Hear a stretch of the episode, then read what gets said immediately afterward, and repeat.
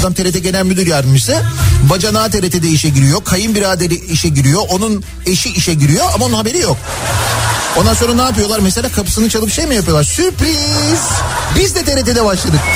Adana'da bir YouTuber arkadaşını direğe bantla bağlamış. Tokat atan 1 lira, kafasında yumurta kıran 5 lira kazanır demiş.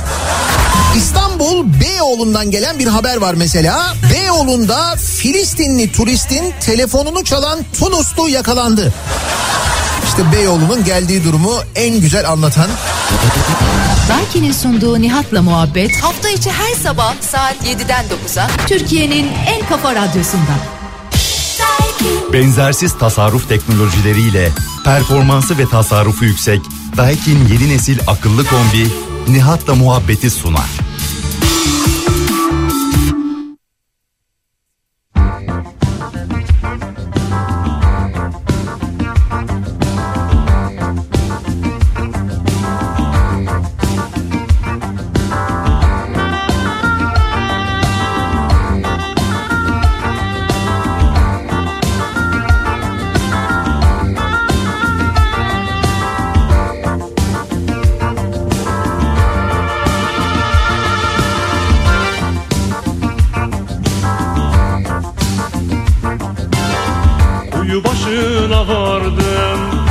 Zeynep'i görem diye.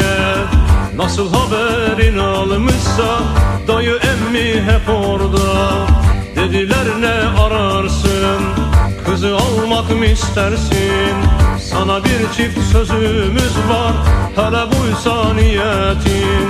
İşte hendek işte deve Ya atlarsın ya düşersin. Vaktin olmaz vazgeçersin. Zordur almak bizden kızı İşte Halep işte arşın. Ya aşarsın ya biçersin. Vaktin olmaz vazgeçersin. Zordur almak bizden kızı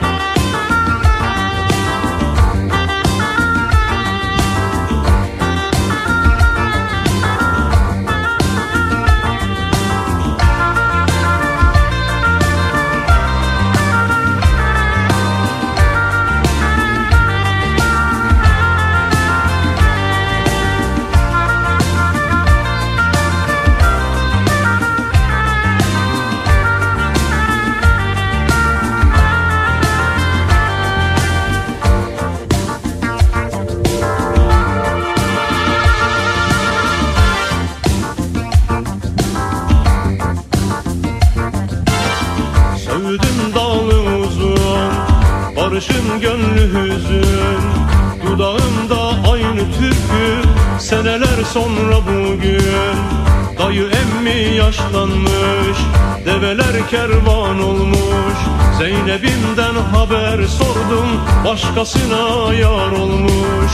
İşte hendek işte deve Ya atlarsın ya düşersin. Vaktin olmaz vazgeçersin Zordur almak bizden kızı.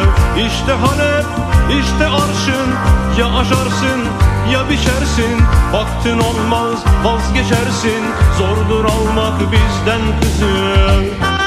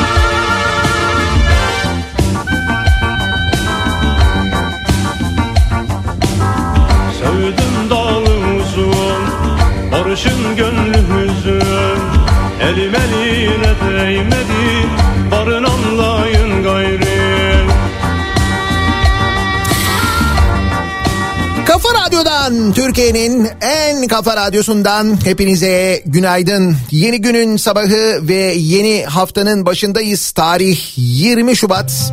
Pazartesi gününün sabahı 7'yi 9 dakika geçiyor saat. Karanlık bir İstanbul sabahından ve Lodos'un etkisinde rüzgarlı bir İstanbul sabahından sesleniyoruz. Türkiye'nin ve dünyanın dört bir yanına. An itibariyle bugün itibariyle Türkiye'de okullar açılıyor yeniden. Birazdan Deprem sebebiyle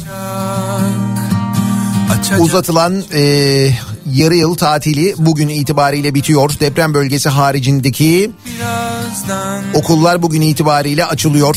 Öğrenciler yeniden yollarda, öğretmenler yeniden yollarda. Doğal olarak herkesin gerçekten de kafası karışık. Öğrencilerde de, öğretmenlerde de, hepimizde olduğu gibi yaşadığımız acı, yaşadığımız travma doğal olarak herkesin kafasını karıştırıyor. Ne yapacağını bilemez halde insanlar haklılar. Ve fakat şarkıda da söylediği gibi nehirler durmuyor. Nehirler durmuyorlar, akıyorlar. Hayat akıyor ve hayat bir şekilde öyle ya da böyle devam ediyor.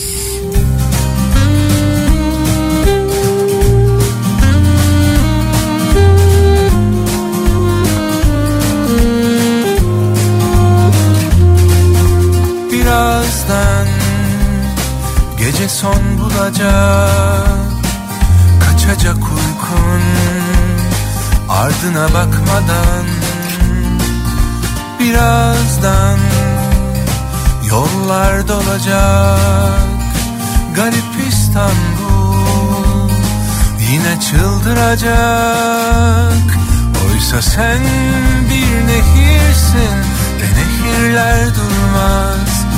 Kavuşur bir an önce sevdiğine asla geç kalmaz İstesen gelebilirsin. Yola çıkmadan olmaz. Sabah olmadan gelsen yine ellerim sen olmadan ısınmaz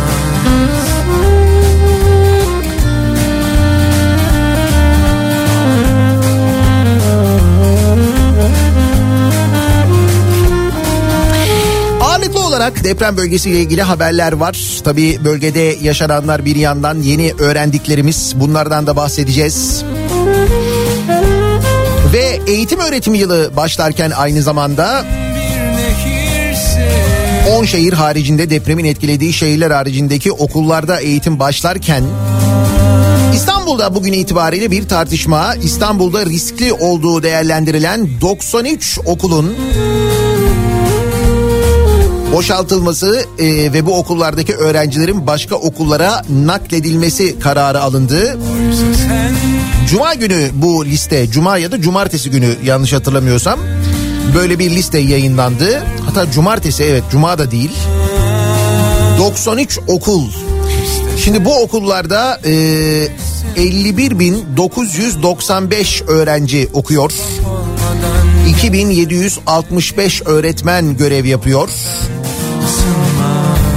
Ve bu okulların acil olarak boşaltılması isteniyor. Herhangi bir depremde yıkılma tehlikesi olduğu için. Ve doğal olarak aklımıza şöyle bir soru geliyor. Eğer bu deprem olmasaydı, Kahramanmaraş depremi olmasaydı bu karar alınmayacak mıydı? Böyle bu yıl bu şekilde geçecek miydi? Hatta sadece bu yıl böyle yani bu yılın böyle geçmesini bir kenara bırakın. Önümüzdeki sene de mesela çocuklar bu okullarda eğitim almaya devam edecek miydi? Peki ya bu günlerde bu aralar bu 93 okulda bir deprem olsaydı o deprem mesela gündüz olsaydı okullar açıkken olsaydı ne olacaktı acaba? Bütün bu sorular insanın aklından geçiyor. Tabi bir yandan bu 93 okulun e, öğrencileri ve bu öğrencilerin velilerinden gelen tepkiler var. Yani doğal olarak bu dediğim sorular akıllarına geliyor. bunun tepkisini veriyorlar bir yandan ama bu okullar içinde güçlendirilmiş okullar da var sevgili dinleyiciler. Yani depreme karşı e, hazırlık olsun diye güçlendirildiği söylenen bunun için para harcanan okullar var. Bu okullarda aynı zamanda boşaltılıyor. Sabreyle sabreyle sabreyle Aynı dönemde aynı zamanlarda yapılmış yan yana duran bazı okulların bir binası mesela boşaltılıyor diğer binası boşaltılmıyor gibi durumlar da var. Anlayacağınız kafa epey bir karışık.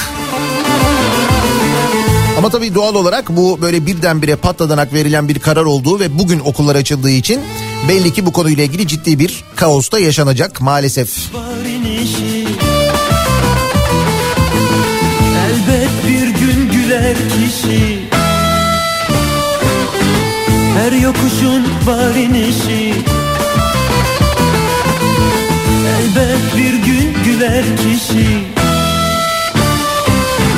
Mutluluk bir sabır işi Mutluluk bir sabır işi sabreyle sabreyle İşte tam da dediğim gibi mesela şimdi yazıyor dinleyicilerimiz. Yan tarafımızdaki ilkokul sıkıntılı olduğu için e, ki kızım ortaokulda şimdi okulları birleşti. Sabahçı ve öğlenci oldular. 7. sınıf kızım. İlkokulun 2019 yılında kontrolleri yapılmış ve biraz sıkıntı görülmüş. 2019 yılında ve 4 yıl sonra sevgili dinleyiciler o da Kahramanmaraş depremi olduğu için okulun e, yıkılacağı söylenerek ikinci dönemin başında birdenbire boşaltılıyor. Biz de bu bilgiyle okula başladık. Doğru hatırlamışım. Cumartesi günü e, duyuruldu bu. Cumartesi günü e, bu okulların boşaltılacağı söylendi, duyuruldu.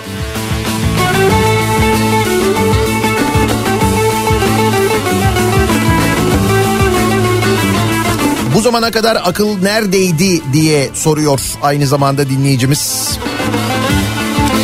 Hayatın akması lazım. Okulların başlaması hem depremzede hem depremzede olmayan çocuklara, öğretmenlere dolayısıyla da hepimize iyi gelecek. Bizi eğitim kurtarır diyor dinleyicimiz.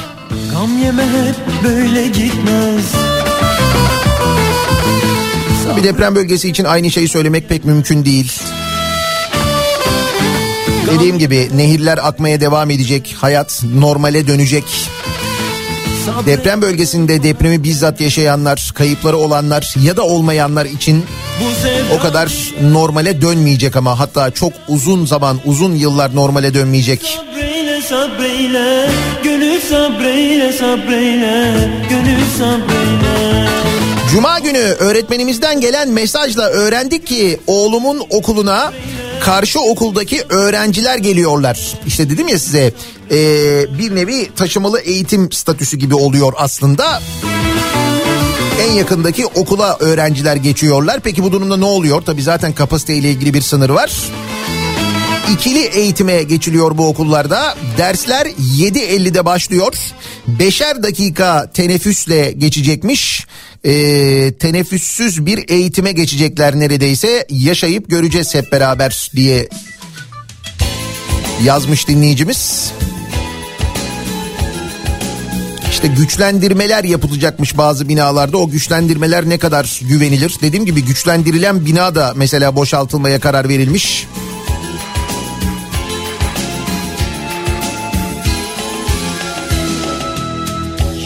Ama evet yani bu 93 okulla ilişki daha doğrusu bu liste yeni bir liste değil. Yani aslında bu okulların e, tehlikeli okullar olduğu zaten biliniyor. Ama dediğim gibi işte Kahramanmaraş depremi bu kararın alınmasında anladığımız kadarıyla epey bir etkili oluyor. Buna vesile oluyor.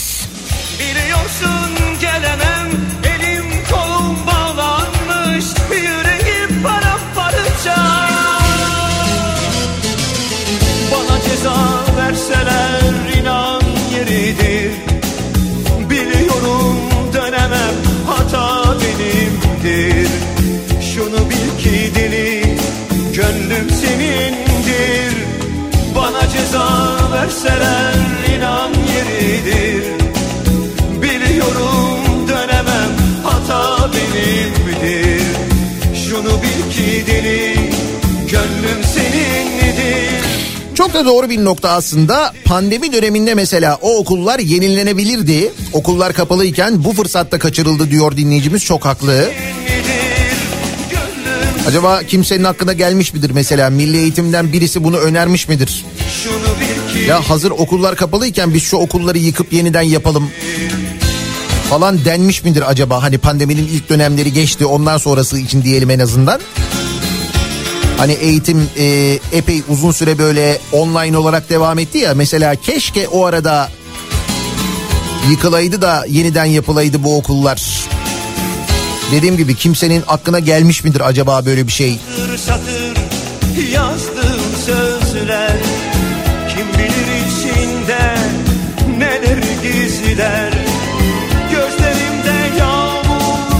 saçlarımda kar. Çektiğim acıların izini siler. Biliyorsun gelemem elim kolum bağlanmış. Yüreğim paramparça. Bana ceza verseler inan yeridir. Biliyorum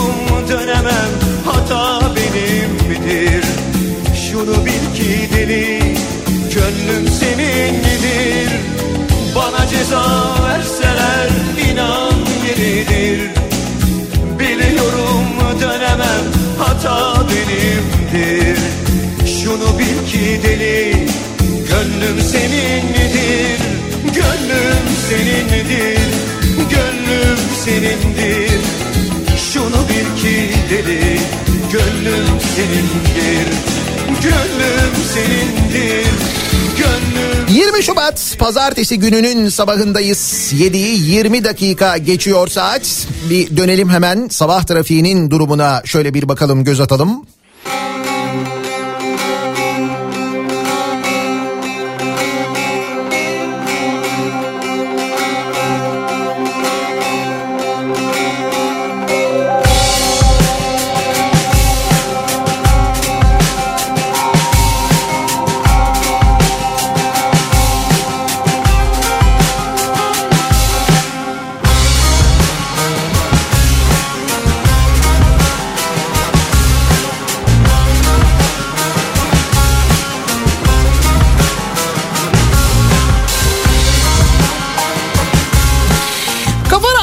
Türkiye'nin en kafa radyosunda devam ediyor. Daiki'nin sunduğu Nihat'la muhabbet. Ben Nihat Sırdar'la 20 Şubat pazartesi gününün sabahındayız. 7.30'a ilerliyor saat 7'yi 24 dakika geçiyor. Deprem bölgesinden haberler var. Hem de çok haber var konuşacağımız, aktaracağımız. Sonrasında birlikte bu sabah not alalım istiyoruz. Çünkü sürekli birileri bugünlerde farkındaysanız not alıyor, deftere yazıyor, parmak sallıyor, tehdit ediyor. Bir fırça bir fırça durumu devam ediyor da. Not almayı bilenler bir tek bu tehditleri yapanlar bir tek bu parmak sallayanlar değil herhalde biz de bir not alıyoruzdur diye düşünüyorum. Mahpushane Bir yerlere işte siz ne not alıyorsunuz diye siz nasıl notlar alıyorsunuz diye soracağız konuşacağız. Ama dediğim gibi ona gelene kadar konuşacağımız çok haber var. Bir kere dediğim gibi deprem bölgesinden haberler var ama onlara geçmeden önce bir yandan aynı zamanda e, hayatın e, devam ettiğini yani biz deprem konuşurken doğal olarak gündemimiz depremken bir yandan Türkiye'de olan biten şeylerin e, geçmişte olduğu gibi deprem öncesinde olduğu gibi aynen kaldığı yerden devam ettiğini görüyoruz. Örneğin deprem olması hayat pahalılığını azaltmış değil. Bilakis birçok şeyin fiyatına normalden daha da fazla zam geldi. Gelmeye devam ediyor. 3,5 milyon işsiz varmış Türkiye'de. Bu da tabii bu arada e, TÜİK'in verdiği rakamlar. Yani TÜİK'in verdiği rakamlara göre Türkiye'de 3,5 milyon işsiz var. TÜİK bir devlet kurumu. Bu yaşadığımız deprem süreci devlet kurumlarındaki liyakati bize net bir şekilde gösterdiği, bu tür kurumların başında kimlerin olduğunu çok net bir şekilde öğrettiği için artık bundan sonra TÜİK'in verdiği rakamlara daha da fazla inanır güveniriz herhalde diye düşünüyorum. 3,5 milyon işsiz varmış TÜİK'e göre Türkiye'de. Hatta bir başka araştırma daha var artık onu yarın konuşuruz. TÜİK'in bir e, anketi ona göre baya baya mutluymuşuz biz ülkede. Öyle görünüyor TÜİK'e göre. Belçika'da aranan uyuşturucu baronunun e, Türkiye'de yakalandığı haberi var. Dediğim gibi bunlar da devam ediyor. Güney Amerika merkezli kokain ticaretinin en önemli aktörlerinden biri ve Anvers'teki uyuşturucu ağının liderlerinden biri olarak gösterilen Faslı uyuşturucu baronu Abdilillah Elme Türkiye'de yakalanmış. Suç örgütleri arasında Bilek ve Narkos lakaplarıyla tanınan Fas kökenli uyuşturucu baronunun bir süredir yaşadığı Türkiye'de kayak tatilinden dönerken seyahat belgesindeki eksiklik gerekçesiyle gözaltına alındığı belirtilmiş. BBC Türkçe'nin Lavey muhabiri Yusuf Özkan'ın aktardığına göre Belçika makamları Türkiye'den e, El M'nin te- iadesini istemiş bu uyuşturucu baronunun ancak Belçika medyası Türkiye'nin Sabancı suikastı sanığı Fehriye Erdal kararı sebebiyle iadeyi engelleyebileceğini yazıyormuş. Yani dünyanın en önemli, en böyle büyük uyuşturucu, en çok aranan uyuşturucu baronlarından bir tanesi daha Türkiye'de yaşıyormuş. Kayak tatilinden dönerken kendisi Türkiye'de yaptığı kayak tatilinden dönerken evrak eksikliğinden dolayı demek ki bir çevirmede bir polis kontrolünde falan yakalanmış. Ona özel bir operasyon falan düzenlenmiş değil yani. Suçlular demişken bu aslına bakarsanız depremle ilgili bir haber. Hani hatırlıyor musunuz bundan böyle birkaç ay önce hatta belki daha önce bir operasyon düzenlenmişti Ankara'da demir yumruk operasyonu denmişti ki işte büyük böyle bir e, suç örgütü bir yok işte böyle bir yolsuzluk ortaya çıkartıldı büyük bir suç örgütü çökertildi falan denmişti hatırlıyor musunuz? Gönlümde bir yara gibiyim hala Sal beni Düzenlenen naylon faturalarla kamunun 25 milyar lira zarara uğratıldığı iddia edilerek yürütülen demir yumruk operasyonu kapsamında e, liderliklerini Erol Evcil, Hüseyin Er Yılmaz ve Melih Karabacak'ın yaptığı iddia edilen 3 ayrı gruptan onlarca kişi tutuklanmıştı. Yürütülen soruşturma sonrası her gruba ilişkin ayrı ayrı davalar açılmıştı.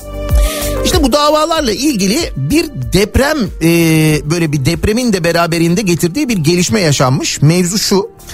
E, artı gerçeğin haberine göre Melih Karabacak'ın sahibi olduğu DETAŞ grubunun dosyasında depremden iki gün sonra 8 Şubat günü dikkat çeken bir gelişme yaşanmış. Tutuklu sanıkların yakınları depremi gerekçe göstererek tahliye talebinde bulunmuş. Ankara 35. Ağır Ceza Mahkemesi 8 Şubat günü Ali Ekincan, Eşref Şahin, Fatih Öztürk, Kaan Karabacak, Mehmet Akif Çetin, Melik Karabacak, Murat Yeşilbaş ve Zübeyir Yiğit'in tahliyelerine karar vermiş. Böylece sanıklar 7 ay sonra tahliye olmuş. Karara Ankara Cumhuriyet Savcısı Cansu Öztürk itiraz etmiş. İtiraz Ankara 36. Ağır Ceza Mahkemesi tarafından değerlendirilmiş. Savcı Öztürk'ün, Öztürk'ün talebini kabul eden mahkeme tahliye kararı verilen sanıklar için tutuklamaya yönelik yakalama kararı vermiş. Arkadaşlar tahliye edilmişler gitmişler. Şimdi yeniden onlar yakalansın diye uğraşılacakmış. Neden tahliye edilmişler? Deprem gerekçesiyle tahliye edilmişler sevgili dinleyiciler.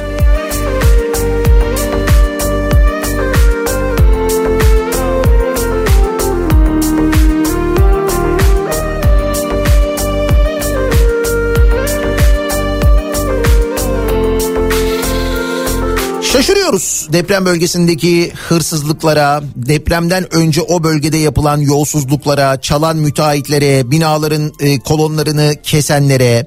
Bunların hepsine şaşırıyoruz da e, deprem öncesini hatırlayınız. Her gün burada konuştuğumuz günlerdir aylardır, yıllardır hatta konuştuğumuz yolsuzlukları, o yolsuzlukların, e, o yolsuzlukları yapanların e, yaptıklarının yanlarına kar kalmasını konuşmadık mı zannediyorsunuz? Hatırlamıyor musunuz?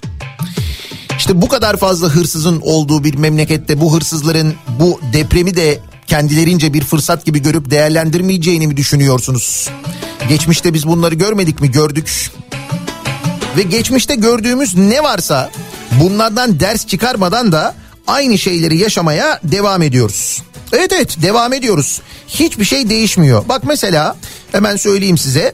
Ee, şimdi deprem sonrasında Kahramanmaraş depremi sonrasında tabii insanlar evleri acaba sağlam mı sağlam değil mi diye kontrol etmenin derdine düştüler. Genelde deprem sonrası yaşanan bir süreç bu. Aslında hep benzer şeyleri yaşıyoruz. Geçmişte de bunları gördük. Önce böyle bir panik, bir evimizi kontrol ettirelim durumu. Kimisi böyle daha yolun başında o o kadar pahalı mıymış boş ver ya şeklinde vazgeçenler. Ya da şimdi biz bunu kontrol ettirirsek ev çürük çıkarsa ne olacak diye endişelenen ve bunu kabul etmeyen hatta bizatihi engel olmaya çalışan ev sahipleri gibi durumları zaten geçmişte de yaşıyorduk. Şu anda yaşanan şey ne peki?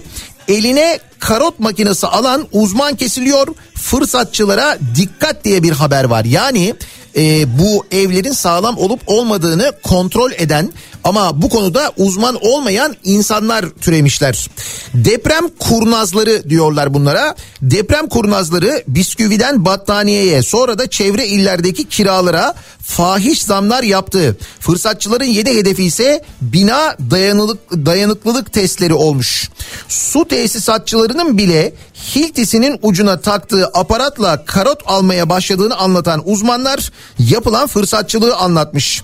2023 Ocak itibariyle işçilik maliyetlerindeki artışla birlikte yıllık bazda %53 ila 66 arasında zamlanan bu testler son depremden sonra yeniden zamlanmış. Yani yılbaşında zaten zamlanmış e, %63 şimdi depremden sonra talep olunca yeniden zamlanmış. Mimarlar Mühendisler Odaları Birliği İnşaat Mühendisleri Odası Adana Şube Başkanı Hasan Aksungur normalde oturmuş bir fiyat vardı ve karot başına 500 ila 600 lira arasında ücret alınıyordu. Bir binadan 20 karot alınsa 10-12 bin liraydı bu fiyat. Depremden sonra bu fiyat 50 bin liraya kadar çıktı. Bu durum ne yazık ki battaniye fiyatlarından kira fiyatlarına kadar her sektörde var. Her sektörde bu durum var demiş. Ee, fırsattan istifade fiyatı arttıranlar değil sorun bir de Hiltis'in ucuna cihaz takan binalardan karot örneği alıyormuş. Bu konuda hiç bilgisi olmayan, bu konuda yeteneği olmayan ya da eğitimi olmayanlar da benzer şeyler yapıyormuş. Bu arada İstanbul Büyükşehir Belediyesi'nin testine de 40 bin başvuru olmuş. Ee, İstanbul Büyükşehir Belediyesi Genel Sekreter Yardımcısı e, Doktor Buğra Gökçe 6 Şubat'taki depremden sonra internet sayfamız dakikada 10 bin kez tıklandı ve bir süre sayfamız çöktü. 3,5 yılda 29.700 civarında başvuru almışken son 6 günde 40.379 başvuru aldık. Bu sayı her dakika artıyor. 3-5 yılda ulaştığımız rakamdan çok daha fazlasına 6 günde ulaştık diye konuşmuş.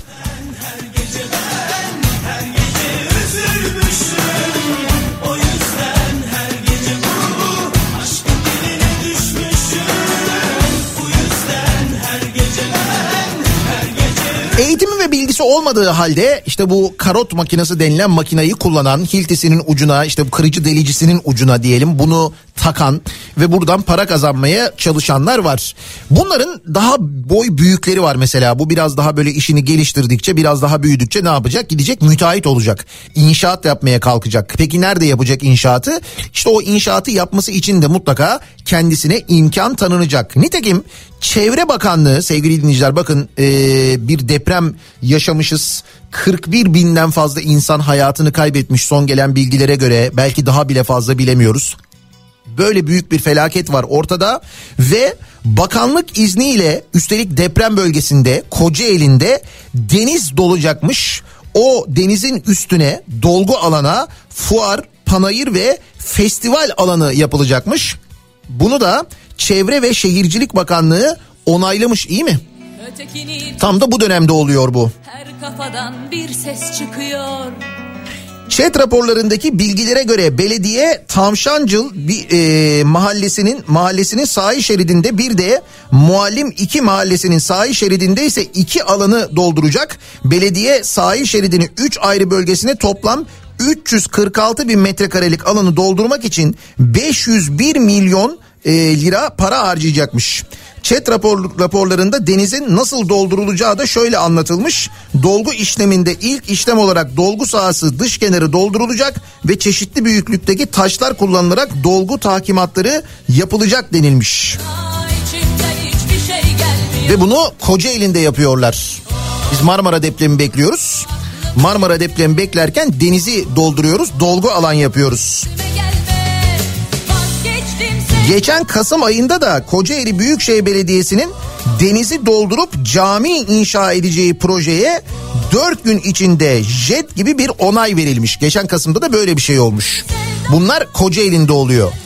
Marmara depremini bekleyen Kocaeli'nde oluyor. Nasıl sizce ders alıyor muyuz yani?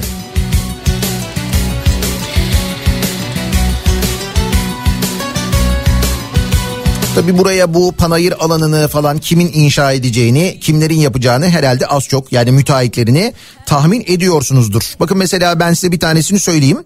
Bir, bu deprem bölgesinden gelen bir haber ama yıkılan tarihi camiyi AKP'li müteahhit restore etmiş. Ee, 500 yıllık bir camiden bahsediyoruz. Adıyaman'da 500 yıl boyunca meydana gelen tüm afetlere ve depremlere meydan okuyan ve yıkılmayan tarihi Ulu Cami bu depremde yıkılmış. Caminin restorasyonu 2015'te AKP Malatya kurucu üyesi ve 2019 yerel seçimlerinde Malatya Battalgazi ilçesi belediye başkan aday adayı Gazi Ergün'ün şirketine adrese teslim ihale ile verilmiş. Ergün yerel seçimlerden önce de AKP'den milletvekili aday adayı olmuş. Olmayınca bir de belediye başkanlığı deneyeyim demiş. O da olmamış. O da olmayınca demişler ki o zaman demişler sana bir ihale verelim. Herhalde böyle olmuş. Ergün'ün Doruk Restorasyon Mühendislik İnşaat Şirketi Vakıflar Genel Müdürlüğü'nün istisna kapsamında davetli olarak açtığı ihaleyi yani aslında ihale değil 254 bin lira teklifle kazanmış.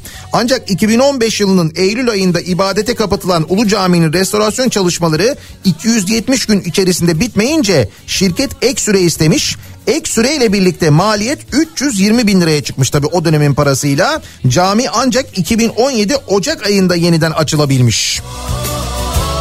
Ve bu restorasyon sonrasında işte meydana gelen depremde Maraş depreminde 500 yıldır yıkılmayan cami yıkılmış sevgili dinleyiciler. Peki bitiyor mu? Bitmiyor. Devam edelim. Müteahhit hikayelerine devam edelim. Vazgeçtim 698 milyonluk ihale. 698 milyonluk e, ihaleyi AKP'li yöneticiye vermişler. Ee, bu nasıl olmuş bir de bunun haberine şöyle bir bakalım. Elazığ'da yaptığı 26 katlı bina ile tepkileri çeken AKP il yöneticisi Tetik'in TOKİ ile 698 milyonluk sözleşme imzaladığı ortaya çıkmış. Bu haberi belki hatırlarsınız. Ee, hatta e, Elazığ'daki bu 26 katlı evet Elazığ'da 26 katlı bina yapmışlar. Bu binayı gören e, Çevre ve Şehircilik Bakanı kurum çok şaşırmış inşaatı durdurun demiş. O zaman talimat vermiş hatta bu da haber olmuş hatta biz de konuşmuştuk diye hatırlıyorum. Sonra ne olmuş? Sonra tabii ki inşaat devam etmiş. Ee, 26 katlı bina Sürsürü mahallesinde yapmış bunu. AKP Elazığ il yöneticisi Mustafa Tetik yapmış müteahhit. Ee, şimdi de TOKİ ile yani 698 milyon liralık toplu konut sözleşmesi imzaladığı ortaya çıkmış aynı zamanda. Elazığ'a 26 katlı bina yapan ee, ki bir deprem kenti Elazığ geçmişte deprem yaşamış hem de yakın geçmişte şimdi yine yaşadı. Ee, Elazığ'da bu 26 katlı binaya düşünün Çevre ve Şehircilik Bakanı bile tepki gösteriyor. Bu ne diyor durdurun inşaatı diyor. Sonra bunu yapan müteahhite 700 milyon liralık ihale veriyorlar. Nasıl? Öyle delice bir Kendisi e, AKP Elazığ il yöneticisi aynı zamanda. Gel benimle dolaş aman Allah Bitmiyor. Devam edelim. Reisin dava adamıyım diyen AKP'li müteahhit Mehmet Özkan'ın firmasının yaptığı ve çok sayıda kişinin yaşamını yitirdiği Özkan City bloklarının inşaatında uygunsuz malzemeler kullanıldığı ortaya çıkmış. sevdiğini üzüyor Şimdi bu yıkılan binalarla ilgili bilirkişi raporları birer ikişer ortaya çıkmaya başladı öğreniliyor.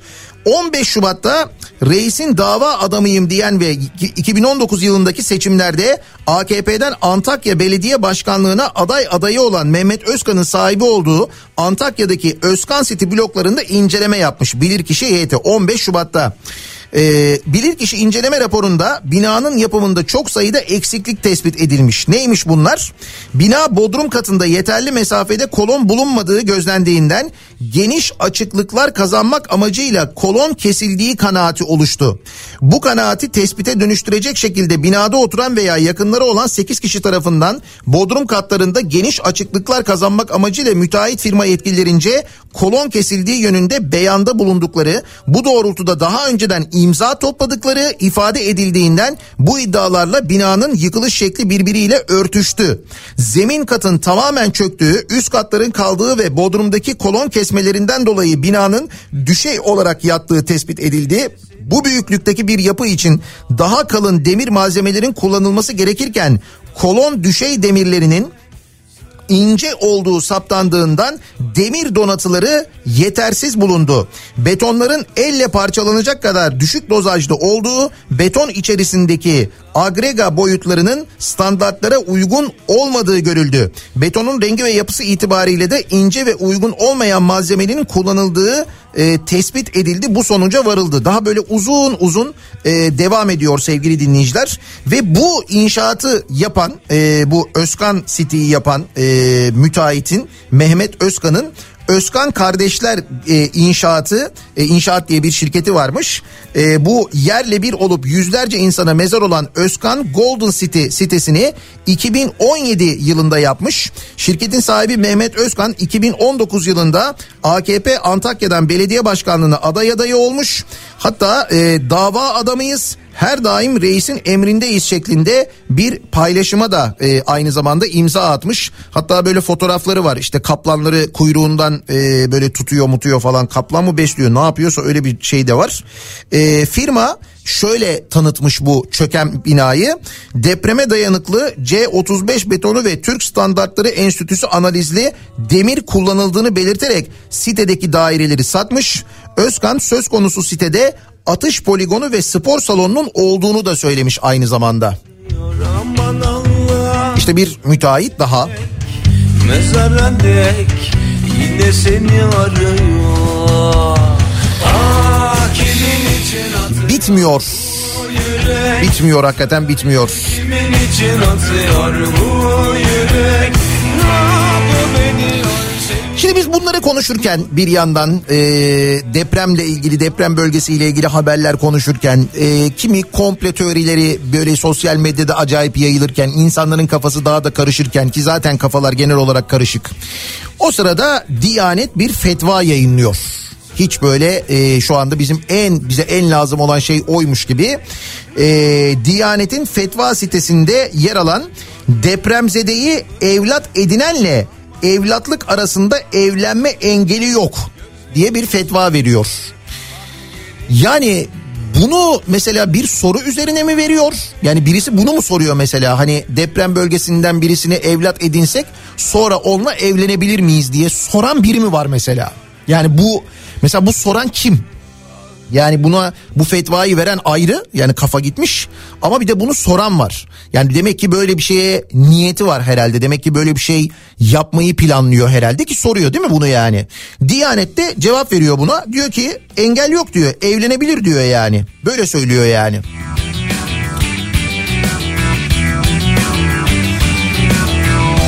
Sonra sapık deyince kızıyorlar. Şimdi mesela bunu soran sapık kim acaba mesela? Buna niyetlenen, bunu düşünen mesela sapık kim acaba? Bana yolum seç diyorlar Bozuk yolu seçer miyim? Seçemezsem geç Türkiye'de bir medeni kanun var sevgili dinleyiciler. Nitekim Türkiye Barolar Birliği bu medeni kanunu hatırlatıyor. Bu Diyanet fetva verince olmuyor o iş. Türkiye'de bu iş suç eğer böyle bir şey yaparsanız suç bu yani. Diyanet'in evlatlık çocuklarla ilgili fetvası üzerine ya depremde hayatını e, annesi babası ailesi hayatını kaybetmiş böyle öksüz yetim kalmış çocukla ilgili bunu düşünen bir herif kesin yani. Kim düşündüyse bunu soruyor bir başka herif de buna böyle yanıt veriyor. Şimdi burada tabii bu böyle bir gerçeklik dışı bir şey yaşıyoruz gibi görünüyor. Neresinden baksan tutsan elinde kalıyor çünkü. Yani burada Türkiye Barolar Birliği gerçeği hatırlatıyor. Diyor ki Türk Medeni Kanunu'nun 129. maddesi uyarınca evlat edinenle evlatlık arasında evlenme yasaktır deniliyor. Yasak yasak böyle bir şey yok bir medeni kanun var. Bu medeni kanunda bu madde niye var? Olur da böyle sapıklar ortaya çıkarsa böyle şeyler düşünen böyle şeyler yapmaya niyetlenen onları engelleyelim diye böyle bir yasaya konulmuş madde konulmuş. Demişler ki açıklamanın Türk Medeni Kanunu'nun kabulünün yıl dönümünde yapılmasını ayrıca talihsiz buluyor. Demokratik ve layık bir hukuk devleti olan Türkiye Cumhuriyeti'nin yürürlükteki kanunlarını bütün ilgililere bir kez daha hatırlatmayı görev addediyoruz demişler. Türk Medeni Kanunu'nun 282. maddesi uyarınca evlat edinme yoluyla soy bağı kurulduğu yani evlatlığın evlat edinenin nüfusuna kaydolduğu belirtilen açıklamada kanunun 500. maddesine göre evlatlığın tıpkı öz çocukları gibi evlat edinenin mirasçısı olduğu 129. maddeye göre de e, evlat edinenle evlatlık ve onun çocukları arasında evlenmenin yasak olduğu kaydedilmiş. Türkiye Barolar Birliği bunu hatırlatmış. Ne kadar e, lüzumsuz bir şeyi hatırlatmış aslında yani bunu hatırlatmak ne kadar lüzumsuz bunun bilinmesi lazım. Bir, geçtim ben kanunu aklen yani fikren zaten bunun bilinmesi lazım düşünülmesi lazım. Ama işte düşünemediği için bunu sormuş. Diyanet de demiş ki olur. Sevdiğini al diyorlar alsam bile yar yeter mi? Diyarbakır'dan bir görüntü sevgili dinleyiciler. Diyarbakır'da depremzedeler için Dicle Nehri yatağına çadır kent kurulmuş. Toprak Evet dere yatağına çadır kent kurmuşlar Diyarbakır'da. Dere yatağına. Diyarbakır Büyükşehir Belediyesi kayyımı Dicle Nehri yatağında depremzedeler için çadır kent kurmuş. Şimdi mesela görüyorsunuz zaten hani Dicle Nehri'nin kenarına kurulmuş böyle hakikaten. Ya Dicle Nehri biraz yükselse bütün çadırlar su altında. Sel felaketi var. İnsanlar depremde değil selde ölecekler bu sefer. Şehir e, plancıları odası da e, demiş ki olası taşkın durumunda can güvenliğini tehdit eder diye uyarmış. 4200 çadır kurulmuş. İki yıl önce Dicle Barajı'nın kapağının patlamasıyla taşkına neden olduğu, her yıl birkaç kişinin boğularak yaşamını yitirdiği nehrin yatağında kurduğu çadır kent çocuklar içinde ölümcül risk taşıyormuş. Alçak ve yüksek basınç nedeniyle sürekli bir rüzgar sirkülasyonunun yaşanması, kente uzak olması nedeniyle ihtiyaç malzemelerine erişmenin zor olduğu ve ulaşımın e, ulaşım sorununun yaşandığı alanda çadır kent kurulmasına tepkiler e, olmuş. Yani Diyarbakır'da çadır kent kurulacak en son alana tarife göre onu anlıyoruz. En son yere çadır kent kurmuşlar. Sadece bu sebepler değil. Sazlık alan olması sebebiyle salgın hastalık riski de varmış aynı zamanda. sevdiğini al diyorlar alsam bile yar yeter? Şimdi Diyarbakır'dan e, İstanbul'a gelelim. İstanbul'da daha doğrusu Marmara'da bir deprem bekliyoruz. Büyük bir deprem bekliyoruz. Şimdi Kahramanmaraş depremini görünce tabii İstanbul'daki deprem yeniden hatırlara geldi. İşte bununla ilgili önlem olsun diye şimdi mesela bugün e, işte 90 tane 93 tane okul e, boşaltıldı. Çocuklar başka okullarda eğitim görecekler. Bu okullar yıkılacak yeniden yapılacak. Kim bilir ne zaman olacak e, bilmiyoruz. Peki böyle bir deprem olursa ki olacak biliyoruz. Allah korusun ama olacak. Ee, biz önlem almazsak e, sadece işi Allah'a bırakırsak ne olduğunu da gördük. Onu da biliyoruz. Ee, İstanbul'un özellikle de merkezinde e, böyle sur içi dediğimiz bölgede özellikle de mesela, mesela Fatih bölgesinde Fatih ilçesinde çok büyük bir yıkım olacağını işte belediyenin hazırladığı 7.5 büyüklüğündeki depreme göre bilim insanları ile birlikte hazırladığı senaryoda da görüyoruz. En çok binanın yıkılacağı ilçelerden bir tanesi Fatih. En çok binanın yıkılacağı bölgelerden bir tanesi Koca Mustafa Paşa, Cerrahpaşa bölgesi. Ve bu bölgede, bu bölge ve çevresinde mesela bu kadar fazla bina yıkılacak. Büyük bir kaos olacak. İnsanlar e, yaralanacaklar, tedaviye ihtiyaç duyacaklar, enkazdan çıkarılanlar olacak. Nereye götürülecek bu insanlar? Hastaneye götürülecek. O bölgede var mı hastane? Var. D Öyle söyleyelim. Yani hala var da şöyle. Şimdi mesela e, hep böyle taşınması tartışılan e, Cerrahpaşa Tıp Fakültesi, Çapa Tıp Fakültesi hatta bazı bölümleri taşındı bu hastanelerin. Şimdi buraların depreme karşı güçlendirilmesi gerektiğini yıllardır konuşuyoruz. Peki niye güçlendirilmiyorlar sizce? Buradaki binalar neden yıkılıp yerine yenileri yapılmıyor? Bazıları yapıldı bazıları niye yapılmıyor? Neden bu iş sürüncemede bırakılıyor? Çünkü İstanbul'un göbeğinde acayip kıymetli bir arazi. Buraya siteler yapmak varken niye biz yeniden hastane yapalım diye düşünüyor arkadaşlar kuvvetle muhtemel. O yüzden bu işi böyle sürüncemede bırakıyorlar. Ama e, işte öyle bir depremde o kadar hayat kurtaracak bir noktada ki bu hastaneler mesela Cerrahpaşa e, Tıp Fakültesi durum böyle. İstanbul Cerrahpaşa Tıp Fakültesi 2016 yılında yeniden yapım sürecine girmiş. 2016 yılında bakın üzerinden 7 sene geçmiş 7 sene birçok bina yıkılmış ancak yenisi yapılmamış. İstanbul Tabip Odası yetkililere çağrıda bulunmuş. Cerrahpaşa mezar olmasın başlığıyla yapılan açıklamada burası söz verildiği gibi depreme dayanıklı olacak şekilde bir an önce yerinde yeniden yapılandırılmalıdır denilmiş. Bakın yerinde yapılması sağlık hizmetine ulaşmak konusunda ne kadar önemli. Bir kere normal zamanlarda da zaten önemli de e, depremde ne kadar mühim Cerrahpaşa'nın orada sağlam bir şekilde olması, sağlam bir şekilde durması ne kadar mühim, ne kadar önemli değil mi? İşte şimdi e, Cerrahpaşa'da görev yapan doktorlar paylaşıyorlar, hasta yakınları paylaşıyorlar binaların durumunu. 7 sene olmuş, yıkılan binaların yerine yenisi yapılmamış, yıkılması gereken binalar hala yıkılmamış. Ve biz depreme şey yapıyoruz, hazırlanıyoruz, hazırız öyle düşünüyoruz.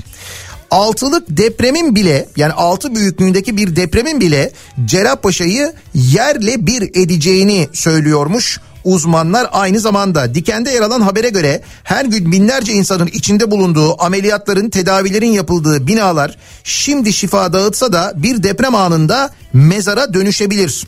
Asistan hekim Ceren Ayşenur Erdem 2019'daki depremden yani 5.9 büyüklüğünde bir deprem olmuştu ya. Depremden sonra fakülte yönetimi binalarının güçlendirileceği söylendi.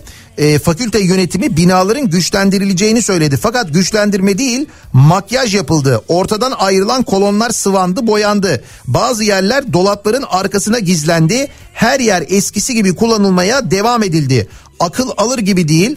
Artık kader diyebileceğimiz şeyin çok ötesinde binaların inmesi için altı büyüklüğündeki bir deprem bile yeter. Öyle kötü bu bir cinayet olur. Göz göre göre ölmek istemiyoruz. Kaldı ki sorun sadece bizim değil hastalarımız var onların yakınları var diye konuşmuş. Burada görev yapan bir doktor derdini anlatmaya çalışıyor.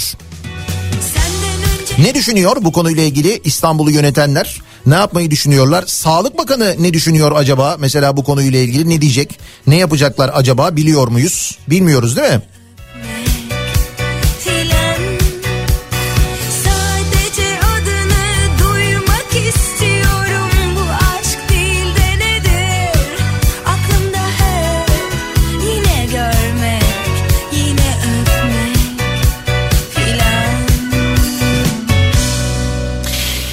İşleri yapacak olanlar kim? Mesela Cerrahpaşa'nın e, yıkılması, yeniden yapılması, bu süreci hangi devlet kurumu, hangi devlet kurumunun yöneticisi yürütecek, kim denetleyecek, kim ne yapacak falan gibi bir takım sorular. Yani daha doğrusu bu süreçte e, olması gereken şeyler var değil mi? İşte burada yine dönüyoruz dolaşıyoruz nereye geliyoruz?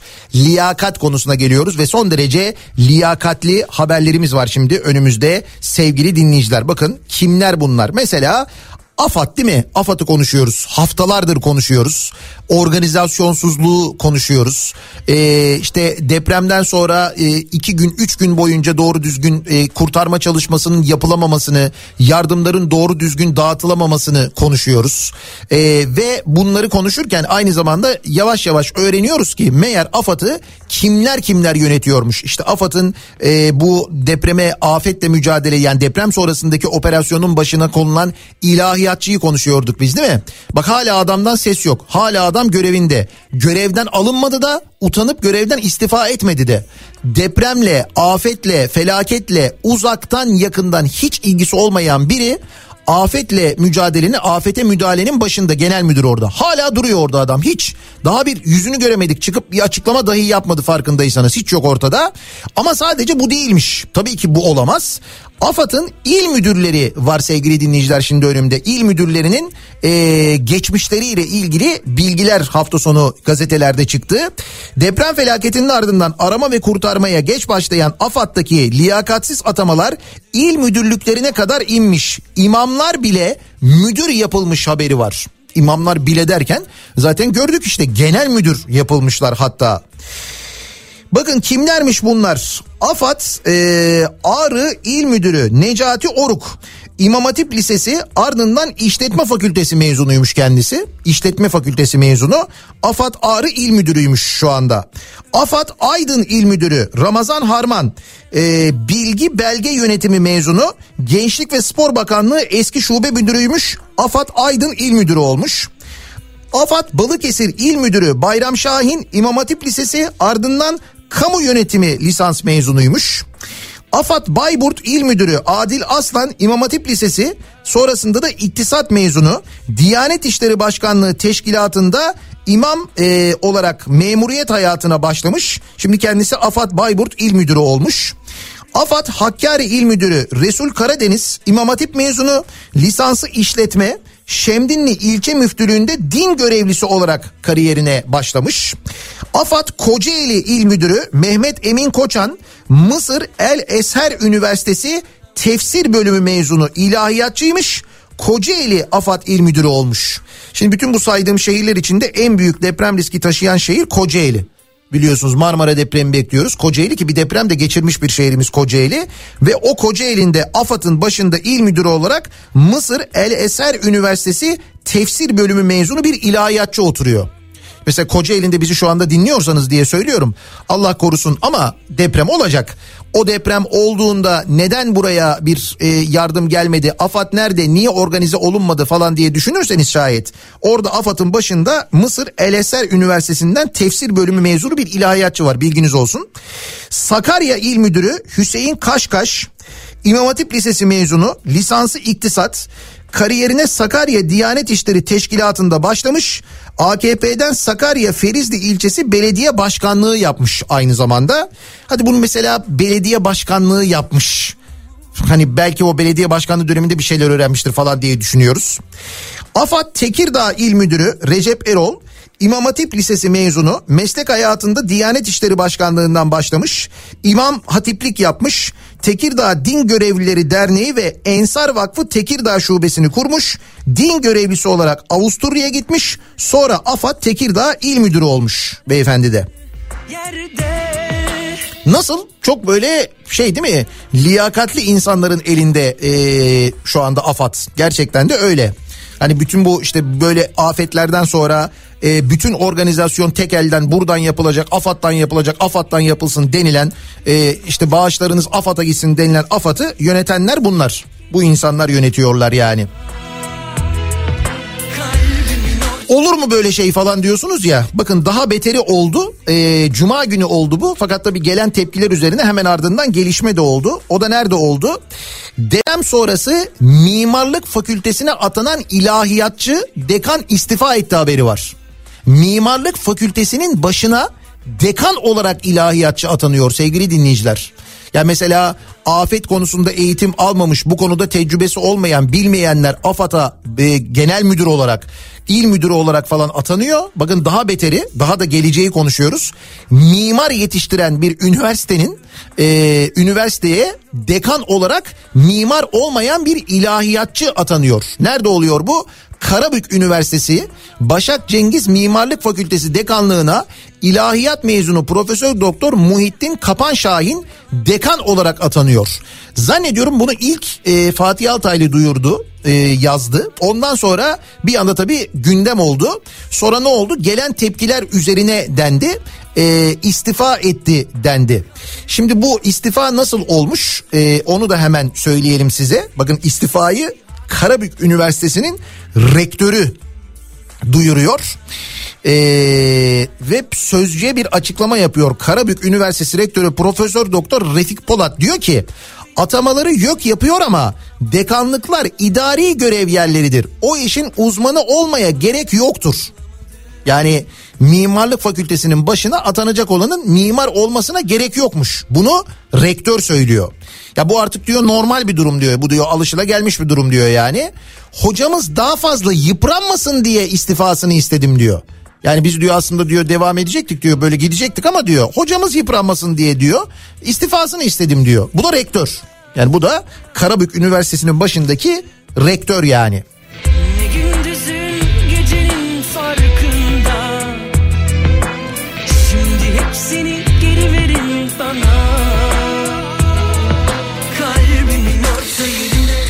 Çok acayip değil mi sevgili dinleyiciler? Ya da çok acayip değil aslında. Ee, biz bunu bugün ya da depremden sonra değil. Depremden önce de konuşuyorduk, konuştuk. Yıllardır konuşuyoruz. Konuşmaya devam ediyoruz. Aslına bakarsanız değişen bir şey yok. Şimdi e, bir yandan bu haberleri de aktarmaya devam edeceğiz ama bir ara vermeden önce e, bir soru sorayım ben size.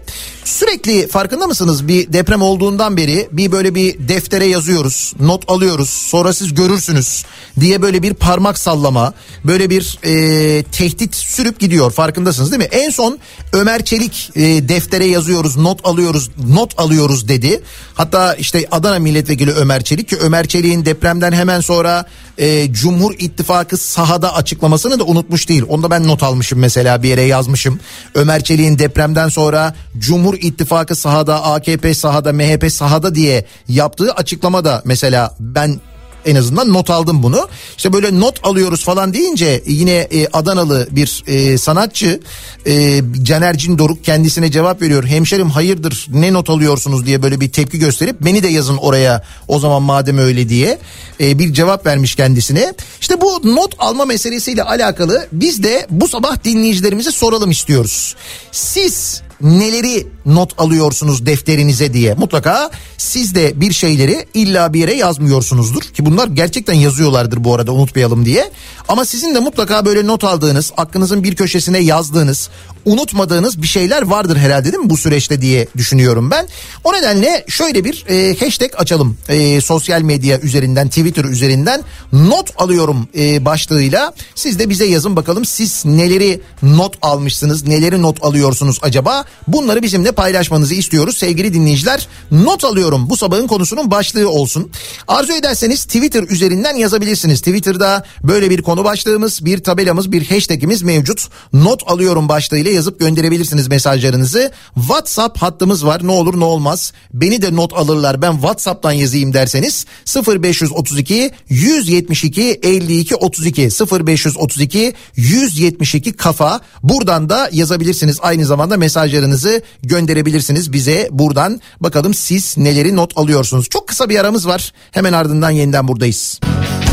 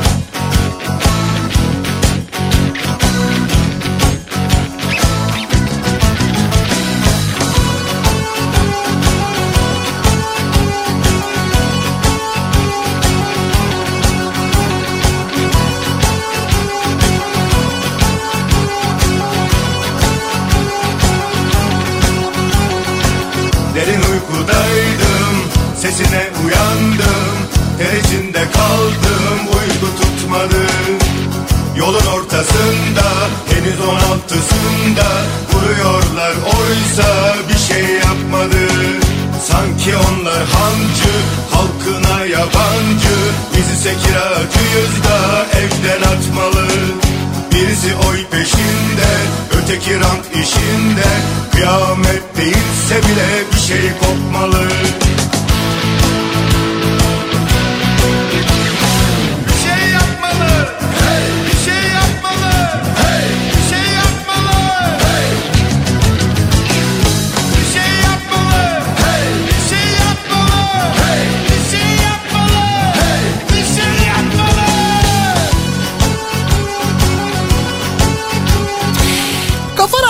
Türkiye'nin en kafa radyosunda devam ediyor. Daiki'nin sunduğu Nihat'la muhabbet. Ben Nihat Sırdar'la 20 Şubat pazartesi gününün sabahındayız. 8'i 6 dakika geçiyor saat ve bir şey yapmalı ne yapmalı en azından not almalı diye düşünüyoruz. Madem sürekli not alıyorlarmış hep öyle deniyor not alıyoruz deftere yazıyoruz sonra açacağız siz görürsünüz. He, yapılıyor ya böyle. Siz not alıyor musunuz acaba diye dinleyicilerimize soruyoruz. Neleri not alıyorsunuz diye soruyoruz aynı zamanda.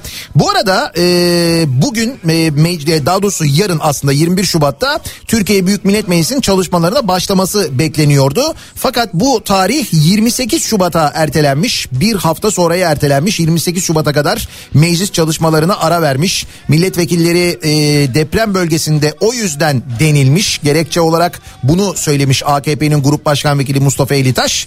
E, 28 Şubat'a kadar o nedenle meclis e, çalışmalarına ara vermiş. Bir kere bir bunu söyleyelim. Bir de Ankara'dan gelen bir haber var. Bunu da gazeteci Muhammed Vefa yazmış. Diyor ki deprem bölgeleri müteahhitlerin iştahını kabarttı. Bölgelerde ihale kapmak isteyen yüzlerce müteahhit Ankara'nın Çukurambar semtindeydi. İhale, ihaleler ee, yarın davet usulü başlayacak. Kamuoyunun yakından bildiği inşaat şirketlerinin illeri kendi aralarında bölüştüğü söyleniyor demiş.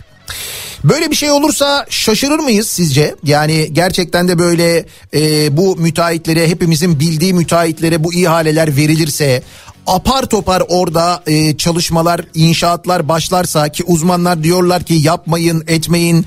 Orada diyorlar çok bilimsel bir çalışma yapmak lazım. Buralar deprem bölgeleri, binaların nerede yapılacağı ile ilgili inceleme yaptıktan sonra e, karar vermek lazım. Bu kadar hızlı hareket etmeyin diyorlar ama derdin ne olduğunu hepimiz biliyoruz. Şimdi birincisi bence birinci dert aslında bu. Bu ihaleler kimlere verilecek? Hangi müteahhitler bunu yapacak? Birinci hikaye bu. İkincisi tabii temeller atılacak e, hızlı hızlı seçim öncesinde bakın gördünüz mü toparladık kaldırdık yenisini de yapıyoruz denilecek. Aslında e, hepimizin 3 aşağı 5 yukarı tahmin ettiği şeyler bunlar. Biz de not alıyoruz yaptıklarını ansiklopedi oldu diye yazmış mesela bir dinleyicimiz. De, depremin ikinci günü binlerce insan enkaz altında tek iletişim kanalı Twitter'ken internetin yavaşlatılmasını not alıyorum diye yazmış mesela bir dinleyicimiz. Mesela bunu da unutmayalım. Bu da oldu gerçekten de. AFAD'ın ve Kızılay'ın depremdeki yetersizliği ve beceriksizliğini not alıyorum diyen var mesela. Onu yazmış bir dinleyicimiz. Bir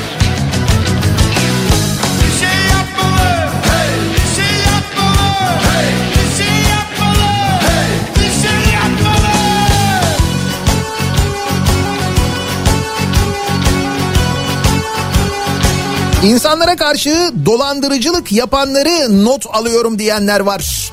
Deprem bölgesinde sahte doktor yakalanmış, insanları dolandırıyormuş. Hırsızlar var yakalanan aynı zamanda. Defter kalem yetmez, notebook aldım, oraya not alıyorum diyor mesela Ercan göndermiş.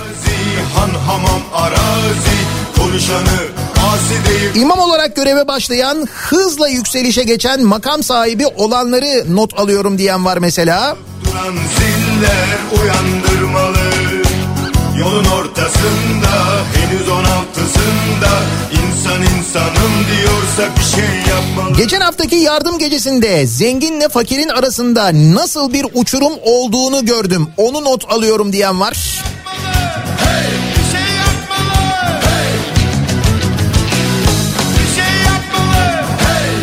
Milleti not almaz, not verir. O not defteri seçimlerde açılır ortaya çıkar diyor bir dinleyicimiz.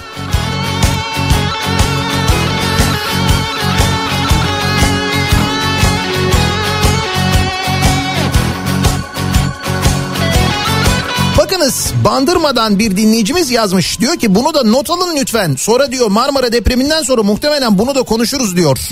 Biz diyor Bandırma gibi yüksek deprem riski olan bir şehirde oturuyoruz.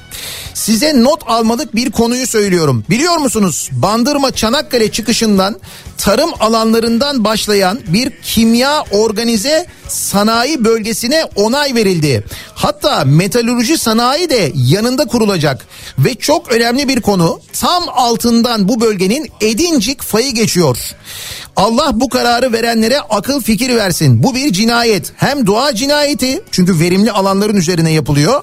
hem de insanlar için felaket olacak. O kimye, kimyevi tanklar patlayacak, denizlere dökülecek, havaya karışacak. Başka yer mi yok? Var. Konya, Karaman, Mersin havzası varken neden Bandırma, neden Marmara diye soruyor Bandırma'dan bir dinleyicimiz. Bakınız not alınız. Yani bunu da not alınız mesela. Bandırma'da tam fay hattının üstüne organize sanayi bölgesi kuruluyor. Kimya organize sanayi, metalurji organize sanayi. Buralar bu arada tarım arazisi aynı zamanda.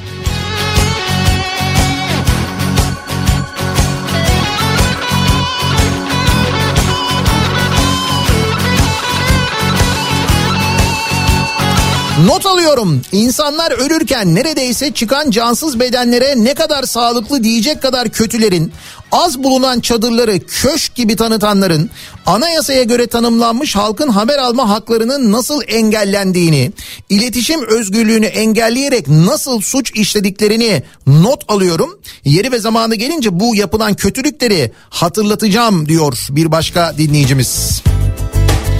Bu e, malum kanalda diye yazmış bir dinleyicimiz. A Haber'de hani şu çadır hayatını çok güzelmiş gibi anlatan e, o muhabiri gördünüz mü? O tiyatroyu izlediniz mi? O önce bir hole giriyoruz. Arkasında bir bölüm daha var. Burası kiler falan diye böyle. Gördünüz mü? İzlediniz mi o görüntüleri? Peki o görüntüleri anlatan A Haber muhabirinin bir başka görüntüsü vardı eskiden hatırlıyor musunuz?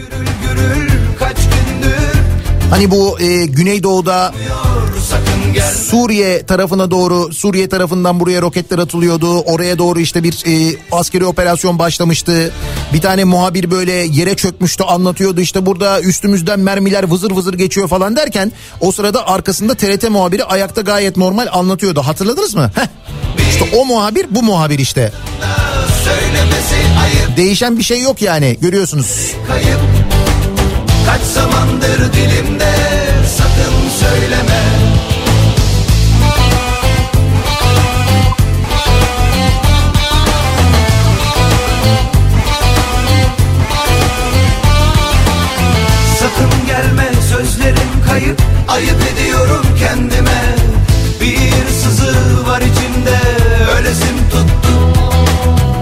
Yaşıyorum.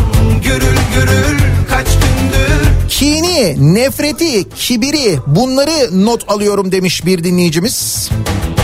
Sakın gelme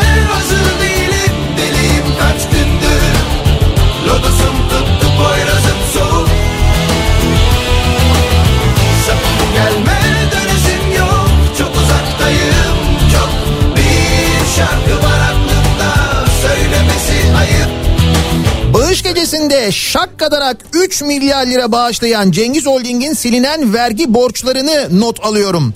Bunun da hesabını sormazsam namerdim diye yazmış bir dinleyicimiz. Bu geçen hafta gerçekleşen e, bağış gecesindeki bağışlar tabii konuşulmaya devam ediyor da bunların içinde bir de kamu bağışları vardı. Yani onu konuşuyorduk hatırlarsanız. İşte Merkez Bankası böyle 30 milyar bağışlıyor. Ziraat Bankası şu kadar bağışlıyor falan da. Şimdi bunlar kamu bankaları. Bu bankaların yöneticileri çıkıyorlar. Sanki böyle kendileri ceplerinden bağışlıyormuş gibi oradaki havayı hatırlayın. Halbuki bunun yani zaten e, halkın mesela zaten deprem bölgesinde yaşayanlardan yıllardır toplanan vergiler olduğunu yani o paranın onlara verildiğini üstelik bunun şovunun yapıldığını söylemiştik. Nitekim e, Merkez Bankası Başkanı bir açıklama yapıyor sevgili dinleyiciler ve diyor ki milletin parasını millete vermek doğal bir şey diyor. Yani milletin parasını bu şekilde televizyona çıkıp şov yapıp bağışlıyoruz, veriyoruz bilmem ne falan demek doğal bir şeymiş. Merkez Bankası Başkanı Şahap Kavcıoğlu tepkilere yanıt vermiş. Kavcıoğlu yardımı bankanın karından yaptıklarını söylemiş. Merkez Bankası anonim şirkettir. Normal süreç işleseydi diğer ortaklarımıza da kar payı verecektik. Yıl sonu bilançomuz bağımsız denetimden geçiyor. Faaliyet raporumuzla her şey şeffaf bir şekilde gözüküyor. Kısacası paramızı da karımızı da isteyen görebilir. Aldığımız kararın arkasındayız. Eğer bu parayı hazineye aktarsaydık hazine başka bir alanda kullanabilirdi demiş. Bunu Merkez Bankası Başkanı söylüyor. Yani Türkiye tarihinin gördüğü en büyük deprem felaketlerinden biri olmuş. Memleketin bir bölümü tamamen yıkılmış. Oranın yeniden yapılmaya, oradaki insanların yardıma ihtiyacı var. Bir maliyeti var ortada. Ben diyor Merkez Bankası olarak parayı hazineye verirsem diyor hazine onu diyor başka yere harcar diyor. Ya hazineye e, şey güvenmiyor. Merkez Bankası Başkanı güvenmiyor yani aslına bakarsanız. Biz de diyor bu payı diyor direkt olarak deprem bölgesine tahsis ettik. Kimin parasını kime veriyorsunuz yorumlara anlamsız. Bu para devletin parasıdır, milletin parasıdır. Milletin parasını da millete vermekten daha doğal bir şey yoktur demiş. Ama bunun şovu yapılmaz işte. Yani bu milletin parasını millete verirken Merkez Bankası'ndan şu kadar para falan denmez yani. Sakın gelme Of of. Bunu da not alalım o zaman. yok Çok çok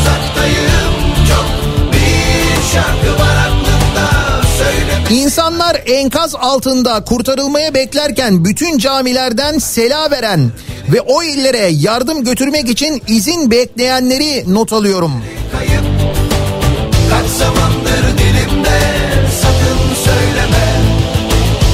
Sakın gelme hazır değilim deliyim kaç gündür Lotusum tuttu Poyraz'ım son Milletin parasını yardım gecesinde sanki kendi paralarını bağışlar gibi bağışlayan devlet banka ve kuruluşlarının yöneticilerini onları not alıyorum diyor dinleyicimiz. İSİAS Otel'in davasının gizlenmesini not alıyorum diyor bir başka dinleyicimiz. Bundan haberiniz var mı? Yıkılan bu İSİAS Oteli'nin davası ile ilgili gizlilik kararı alınması.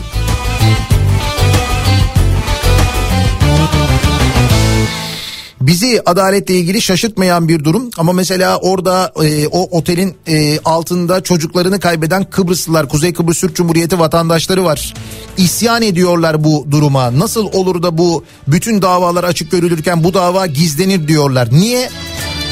Bu otelin sahipleri AKP'li diye mi? Neden gizleniyor acaba?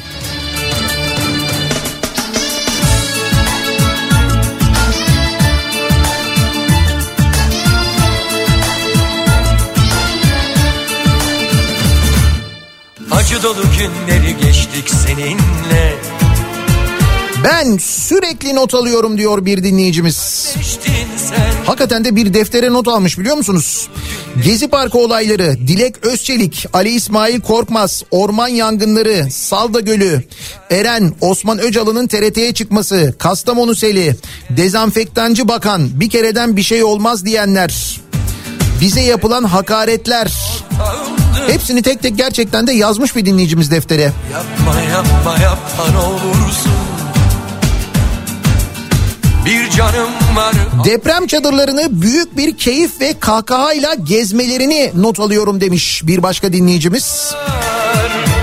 Yıllar var Unutma Unutma Malatya'daki askeri birliklerin depremden hemen sonra neden sahaya indirilmediğini, neden bunun yapıldığını, bunun neticesinde kaç canımızın gittiğini not alıyorum diyor. Ali göndermiş. Başım belada Yanıyorum buralarda Gelirim ha yanına Yar yar seni özledim yar Yine Kabanlı kaşkollu yöneticilerle onların önlerinde tutulan monsuz çocukları not alıyorum. O açıklamalar yapılırken ön tarafa dizilen çocuklar hatırladınız mı? Hatta böyle soğuktan kendini korumak için kafasına bere takan çocuğun kafasındaki bereyi çıkarttı Ulaştırma Bakanı. Hatırlıyor musunuz onu not aldınız mı?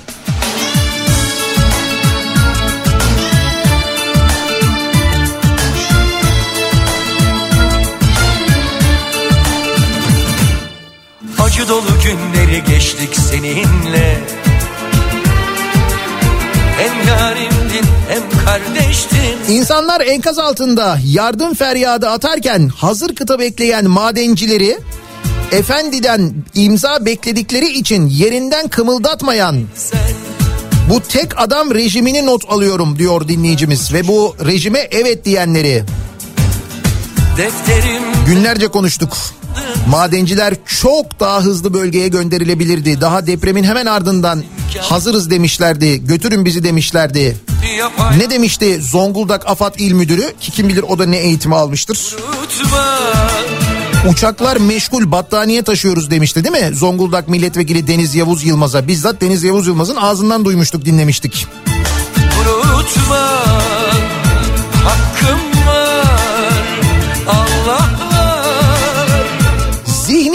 değişmedikten sonra sayfalarca not alsak ne olacak?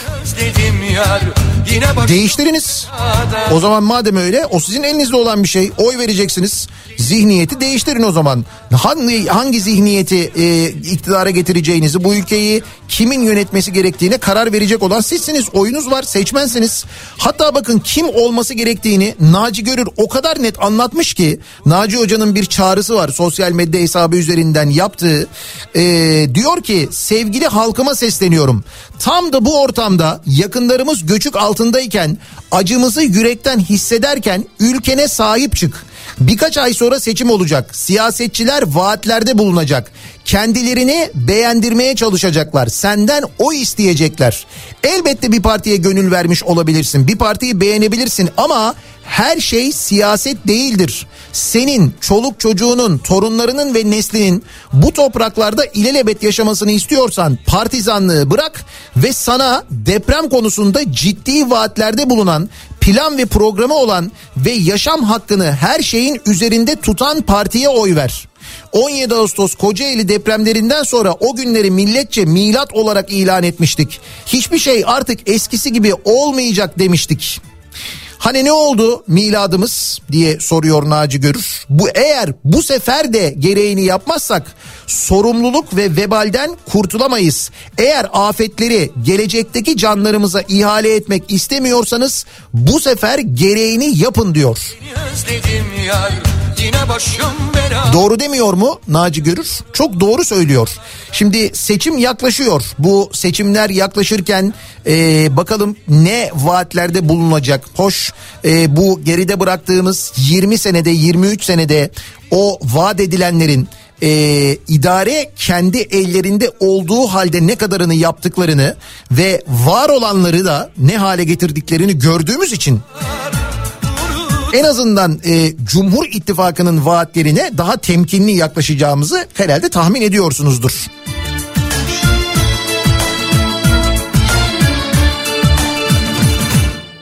Acı dolu günleri geçtik seninle Not alıyorum. İşi gücü acımızı bırakıp birlikte olmak yerine depremde Bay Kemalli ahbaplı olan cümleleri not alıyorum. Ve deprem bölgesine erzak gönderilirken Mersin AFAD'ın herkes buraya geldi oraya göndermeyin yardım demesini de not alıyorum diyor bir başka dinleyicimiz. Egemen Bağış'ın o oyu kutuya atışını bir kereden bir şey olmazcıların gen soru sonrası tebrik kuyruğunu peçeteye yazılan teslim aldım uydurmasını yazdığım gibi not aldığım gibi deprem bölgesinde gülücükler saçan bakanları da not alıyorum diyor bir başka dinleyicimiz. Hani çadır kentten çıkarken gülüyorlardı ya Numan Kurtulmuş ve arkadaşları. Unutma Unutma Televizyonda herkesin gözü önünde konuşmak isteyenin nasıl sesinin çıkmasını engellediklerini, Murat Yıldırım'ın konuşmasını bağış gecesi nasıl engellediklerini not alıyorum diyor. Neriman göndermiş. Yanıyorum buralarda Gelirim ha Yar yar seni özledim yar Yine başım belada Yanıyorum buralarda Gelirim ha Depremzede kimsesiz çocuklarımız için evlat edinenle evlatlık olanın arasında evlenme engeli doğmaz diyen sapıkları sadece ben değil herkes not alıyor demiş bir dinleyicimiz. Daha da böyle ağır şeyler yazmış da. Kimsesiz kalmış depremzede çocukların cemaatlere yerleştirilmelerini not alıyorum ve de yerleştirenleri meclise taşınmış bu konu. Bakalım ne sonuç çıkacak.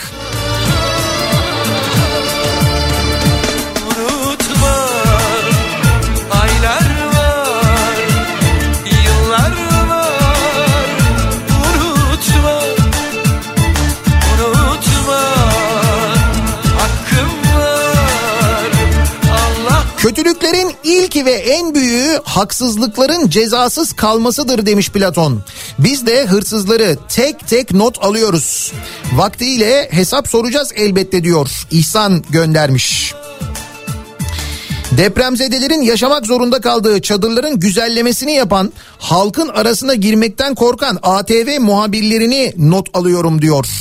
Göçük altından çıkan, ailesini yitiren, üstü başı incecik üşüyen çocukları basın açıklamasında dekor olarak kullanıp üşüyen uyuklayan çocukların basın açıklaması yaparken yüzü görünsün diye kapüşonunu açanları not alıyorum.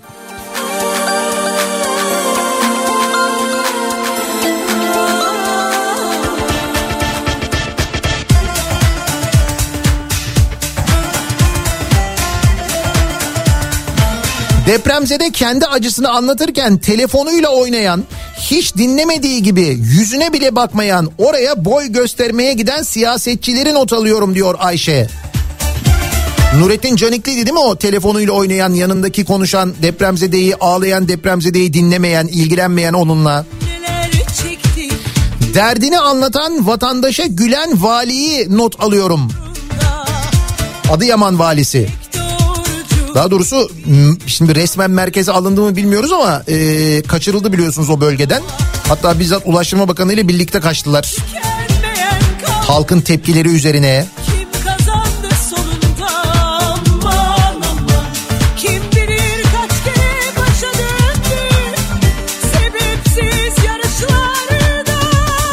Balıkesir AFAD İl Müdürü depremden önce tatbikat yapan elemanların beton ve demir kesme makinalarını kullanmalarına izin vermemiş. Gerekçe ise bozarsınız diyor il müdürü. Bunu altını çizerek not aldım diyor. Balıkesir'den bir dinleyicimiz göndermiş. Öyle mi olmuş gerçekten ya bunu bilmiyordum ben. Hoş bakayım dur şu az önceki liyakatli müdürler arasında Balıkesir var mıymış? Evet var. AFAD Balıkesir İl Müdürü Bayram Şahin. İmam Hatip Lisesi ardından kamu yönetimi mezunuymuş kendisi.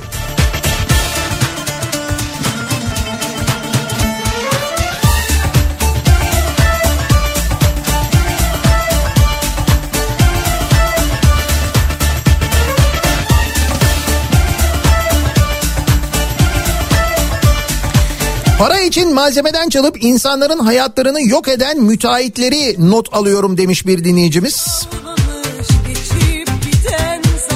Kurtarmaya giden, insanları kurtarmaya giden madencileri yıllık izinden düşerim diye oraya gönderen maden sahipleri. Onları not alıyorum diyor bir başka dinleyicimiz. Kar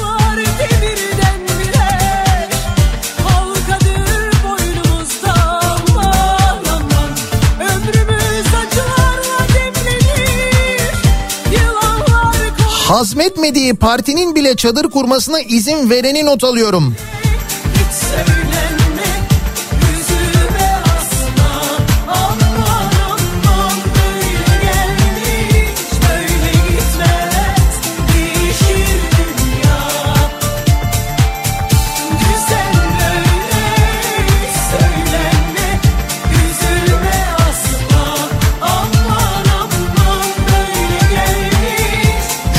Diyanet'in fetvası ile ilgili o kadar çok mesaj geliyor ki e, dinleyicilerimizden ve o kadar da e, kızgın mesajlar. Benim not alasım falan yok. Defteri parçalayasım kalemi kırasım var demiş mesela bir dinleyicimiz.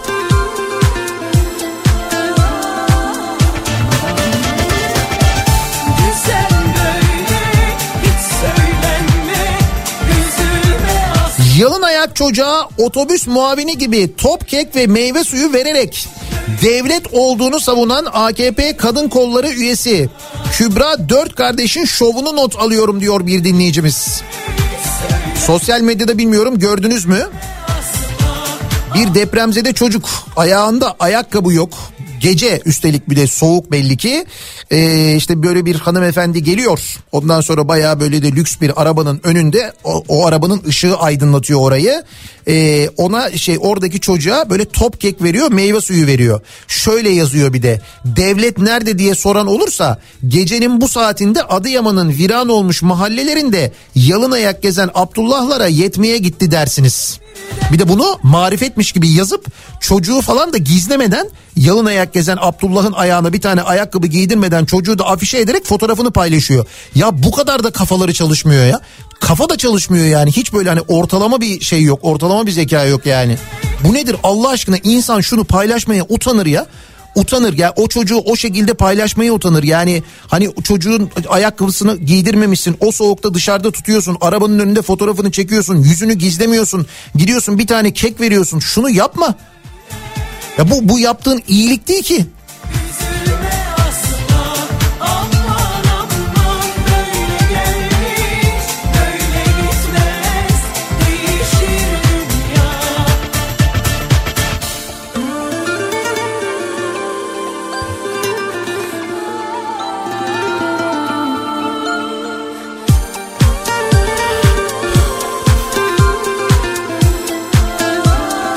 Ben kar fırtınasında Malatya'ya ulaşıncaya kadar anamla babamın naaşlarını iki gün arabanın bagajında bırakanları not alıyorum diyor Yılmaz göndermiş.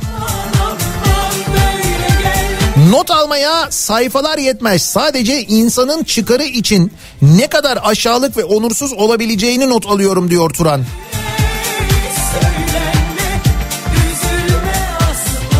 İmar affı ya da imar barışı neyse onun adı işte onu çıkaranları ilk sıraya hiç haz etmediğim belediyeye izin verdim diyenleri de ikinci sıraya not alıyorum diyor bir başka dinleyicimiz. Farkındaysanız bizim defter baya bir e, kalın oluyor. boynumuzda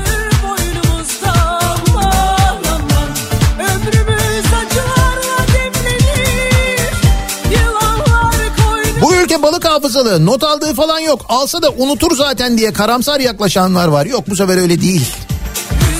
Bu sefer unutulmaz. Bir de çok yakın bir tarihte hatırlamamız gerekecek bence. Eğer böyle bir bir yıl bir yıl falan deniyor böyle bir erteleme falan yapılmazsa.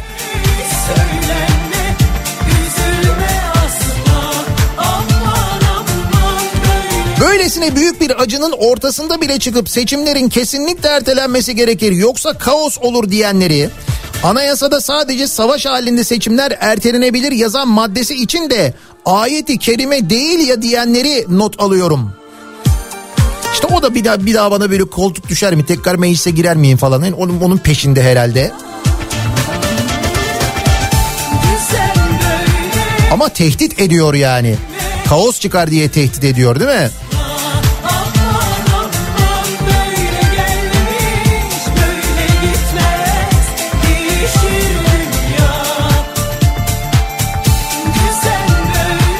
Çocukların her birinin çalınan hayallerini not alıyorum diyor bir dinleyicimiz.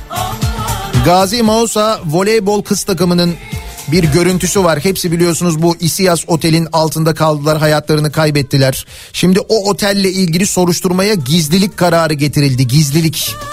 Neyi gizliyorlarsa ne olabilir acaba gizli orada? Üzülme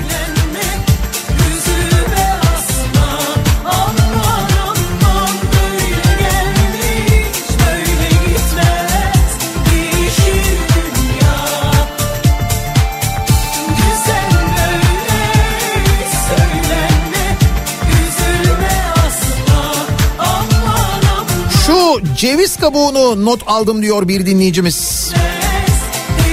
Cevizin de kabuğunu hiç sevmem ya. Güzel yanar ama ceviz kabuğu. Yanar döner.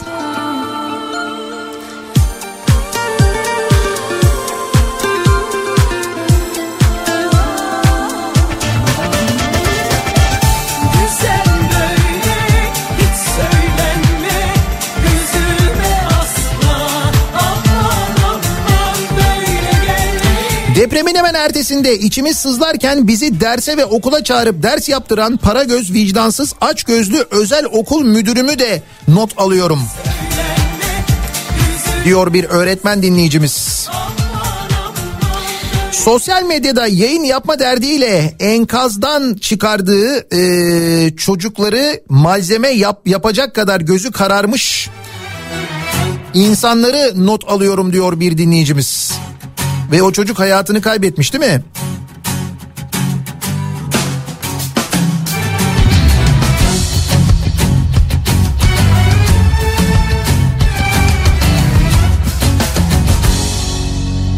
Şikayetim var cümle yasaktan Dillerimi hakim bey bağlasan Doktorlar için nereye giderlerse gitsinler diyenleri not alıyorum. Şu zor zamanlarda ne kadar kıymetli oldukları anlaşılmıştır herhalde diye diyor Aslı. Deprem bölgesine en organize ve en hızlı bir şekilde ulaşanlar sağlık çalışanları oldu. İnanılmaz bir hızla gittiler biliyorsunuz. Gönüllü orada görev yaptılar, yapıyorlar, yapmaya devam ediyorlar hala. Gün olur yerle Yardım merkezine kayyum atayanları not alıyorum diyor bir dinleyicimiz.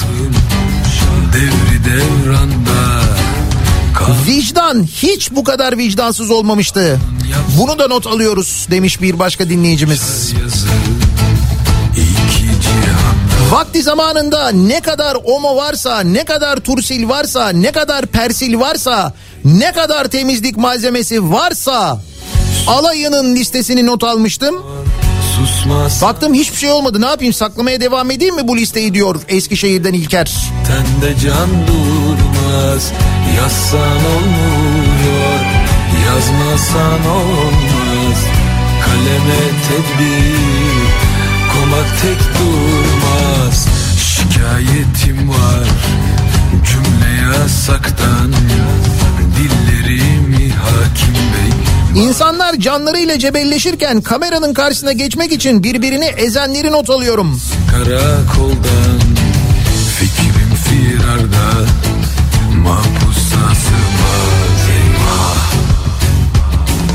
Yapılan yardımları pervasızca utanmadan paylaşan, reklam yapan insanları not alıyorum. Gün olur yerle Şimdi yardım demişken eee, bakınız iki tane eee, yardım için yani daha doğrusu hatta birkaç tane yardımla ilgili size öneride bulunacağım. Hani ne yardım yapabiliriz ne yapabiliriz diye insanlar soruyorlar.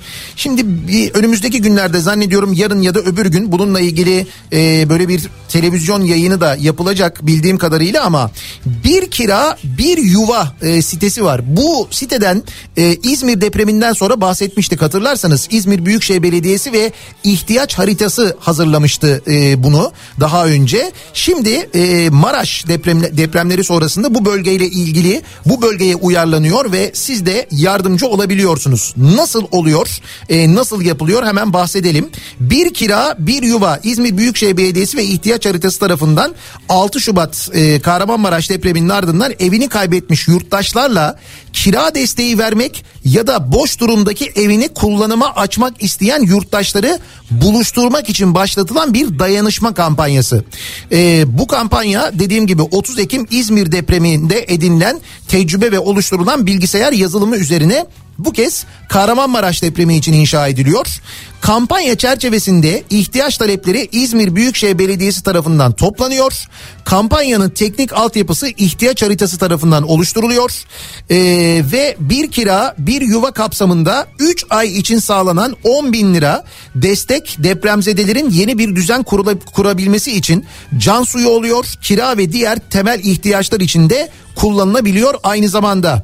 Bir kira bir yuva kampanyası yardıma ihtiyacı olanların e, vatandaşlarımızı 10 bin lira ve üzeri destek verecek yardımseverlerle buluşturuyor. Aslında amaç bu ve burada siz parayı hiçbir şekilde e, işte İzmir Büyükşehir Belediyesi'ne ya da ihtiyaç haritasına göndermiyorsunuz. Hiçbir üçüncü taraf e, arasında böyle bir nakit transferi olmuyor İzmir Büyükşehir Belediyesi ile. Şöyle oluyor sevgili dinleyiciler bir kira bir yuva.org sitesine giriyorsunuz. Sitenin adresi bu. Bir kira bir yuva .org sitesine giriyorsunuz. Burada e, kira desteği almak istiyorum ya da kira desteği vermek istiyorum seçenekleri var. Bir de evim kullanılsın istiyorum seçenekleri var. Bunlardan birini seçiyorsunuz. Kira desteği vermek isteyen vatandaşlar yapacağı yardım miktarı ve kişisel bilgilerini buradaki formlara yazıyor. Kullanıma uygun boş durumda evi olan ev sahipleri de evlerini afetzedelerle paylaşma yönündeki beyanını ve istenen diğer bilgileri doldurup kampanyadaki yerini alabiliyor. Sonra ne oluyor? Siz bu bilgileri girdikten sonra İzmir Büyükşehir Belediyesi yetkilileri desteğin ihtiyaç sahiplerine doğrudan ulaştırılabilmesi için katılımcılar arasındaki yani destek isteyenle destek veren arasındaki iletişim sağlanıyor aslına bakarsanız. Ee, İzmir Büyükşehir Belediyesi bu kampanyanın bütün ihtiyaç sahiplerine eksiksiz bir şekilde duyurulabilmesi için deprem bölgesindeki diğer belediyelerle eş güdüm içerisinde çalışıyor. Oradaki belediyelerle birlikte bu organizasyon gerçekleştiriliyor. Dediğim gibi siz direkt olarak e, depremzede ile muhatap oluyorsunuz. Sizi buluşturan bir platform aslında bu platform. Bir kez daha tekrar ediyorum. Bir kira bir yuva .org sitenin adresi bu.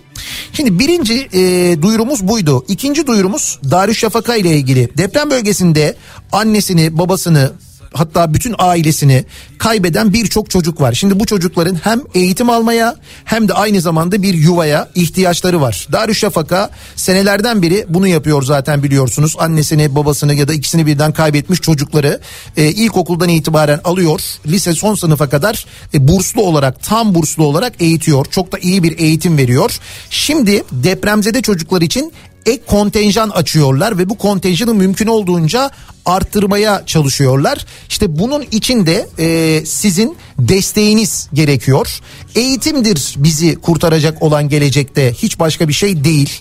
E, o nedenle bu çok önemli gerçekten de bu bağış. Siz de Darüşşafaka'nın internet sitesine girerek eğer mobil bankacılık kullanıyorsanız mobil bankacılıktaki o e, bağış bölümünde yani elektronik bankacılıktaki bağış bölümünde Darüşşafaka'yı mutlaka görürsünüz zaten. Ya da Darüşşafaka'nın kendi sitesi üzerinden de darüşşafaka.org üzerinden de aynı zamanda e, bağışta bulunabilirsiniz. Bu da gerçekten çok önemli e, bir bağış.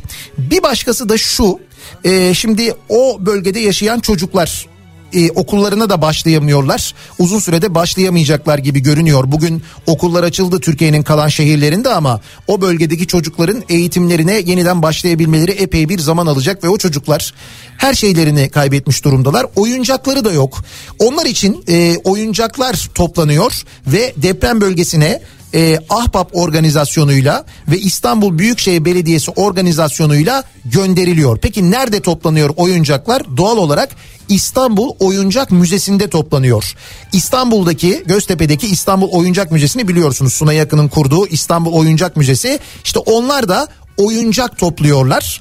Ee, sizlerden ricam eğer İstanbul'da yaşıyorsanız bizi dinliyorsanız e, ya da başka şehirlerde de olabilir kargo ile gönderebilirsiniz İstanbul Oyuncak Müzesi'ne ama kendiniz de götürüp bırakabilirsiniz. Ee, yeni oyuncaklar alabilirsiniz. Ee, çocuğunuzun mesela sevdiği bir oyuncak oraya o bölgedeki kardeşine oradaki bir kardeşine depremzede bir kardeşine göndermek istediği bir oyuncak varsa bu oyuncağı çocuğunuzla birlikte oyuncak müzesine götürerek oraya teslim edebilirsiniz. Tabi burada e, hani kullanılmış olan oyuncakların mümkünse sağlam ve temiz olmasını arzu ediyoruz. Bu da çok normal. E, Birçok bağış var şu ana kadar ve o götürülen oyuncakların içine öyle güzel notlar yazmış ki çocuklar. En sevdiğim oyuncağımı sana gönderiyorum. Sen de şöyle oynarsın, böyle oynarsın diye yazan çocuklar var. Öyle güzel notlar var ki içine böyle de bir not koyarak siz de İstanbul Oyuncak Müzesi'ne oyuncaklarınızı götürebilirsiniz çocuklar. Annenizle babanızla birlikte siz bunu yapabilirsiniz isterseniz. Ee, siz anneler babalar isterseniz yeni oyuncaklar alarak götürüp bırakabilirsiniz. Ee, yarın e, zannediyorum yani bugün pazartesi pazartesi günü müzeler kapalı oluyor. Ee, işte bugün hazırlığını yaparak yarın ve yarından sonraki bütün günlerde yine e, İstanbul Oyuncak Müzesi'ne oyuncaklarınızı götürebilirsiniz. Aynı zamanda bağışlayabilirsiniz deprem bölgesindeki çocuklar için. Gelsin jandarma Polis karakoldan Fikrim firarda Mahpusa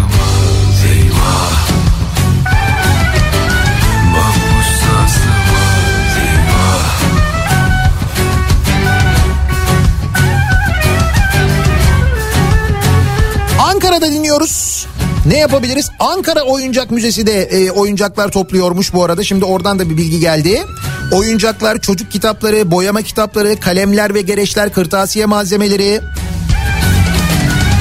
Söz uçar yazı Beş evlerde e, Ankara Oyuncak Müzesi oraya da götürebilirsiniz. Ankara'da bizi dinliyorsanız eğer hafta sonu e, müzemiz kapalı hafta içi getirip bırakabilirsiniz diye o müzenin yetkilileri de göndermişler bize bu mesajı. Buradan duyuralım bizi başkentte dinleyenlere.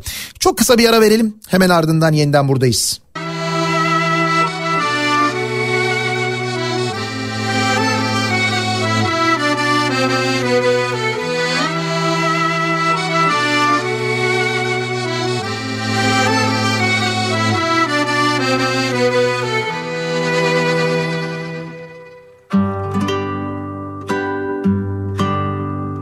bugün.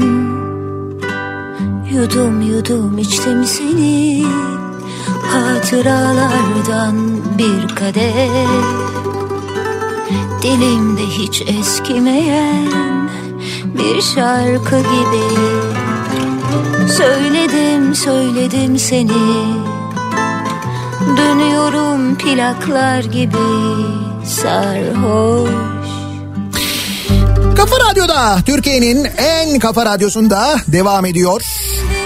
Daiki'nin sunduğu Nihat'la muhabbet. Pazartesi gününün sabahındayız. 9'a yaklaşıyor saat. Deprem bölgesi haricinde bugün okullar açıldı. İstanbul'da 93 okulun öğrencileri başka okullara bu sabah itibariyle nakledildiler.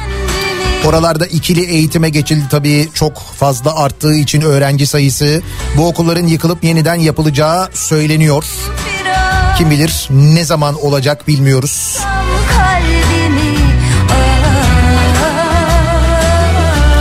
Demin sormuştum ya bu İsiyas Otel'de gizlilik kararı alınmış soruşturma ile ilgili diye.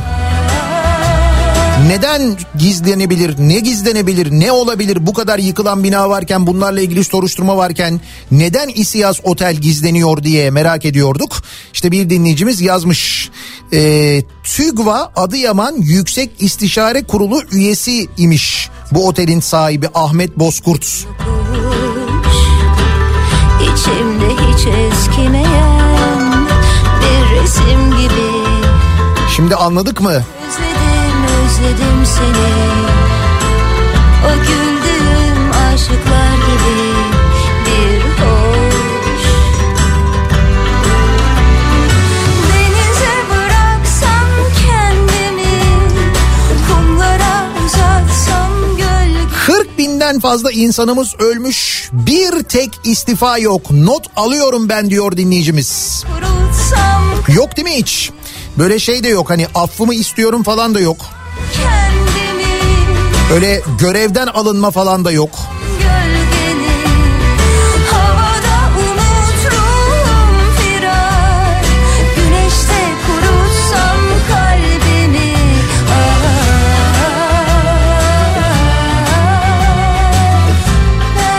Not alıyorum. 20 yıllık UMKE personeliyim. Eğitim aldım. Sağlık personeliyim. UMKE'yi liyakatsiz insanlarla doldurdular. Bu nedenle benim gibi arkadaşları göndermeyenleri, bana ihtiyaç olmadığını söyleyenleri not alıyorum diyor bir dinleyicimiz.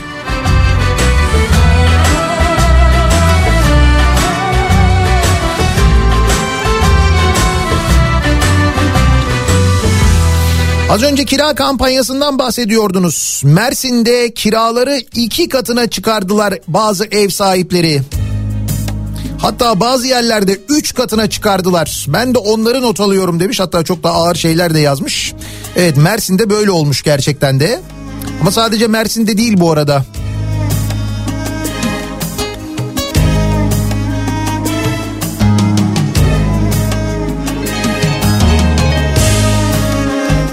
İmar barışını çıkaranları not alıyorum.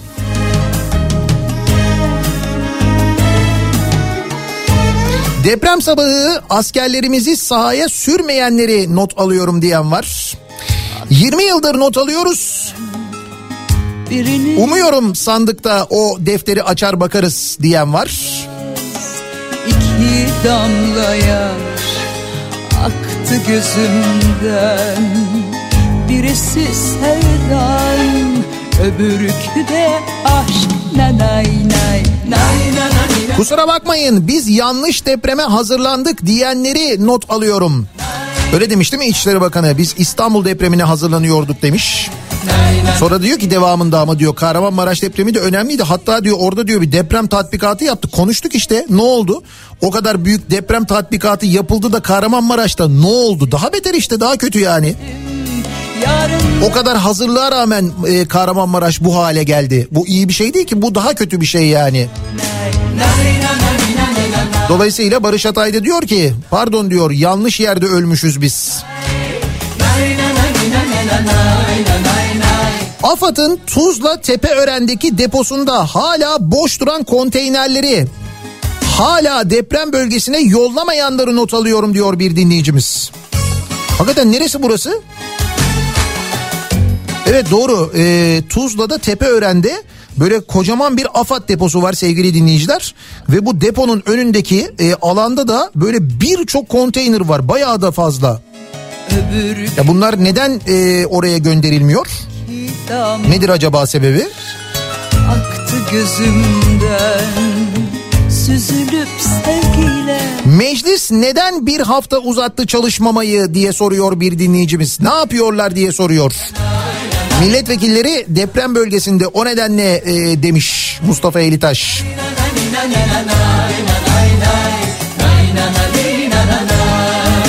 Gata ve askeri hastaneleri kapatanları not almıştım. Şimdi altını çiziyorum diyor İstanbul'dan Onur. Sevgide seni seçtim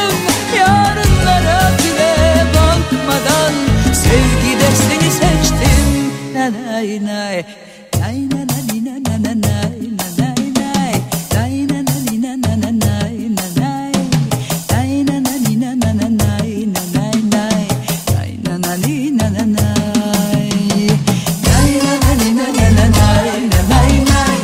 Şimdi seçim konuşma zamanı değil demişlerdi.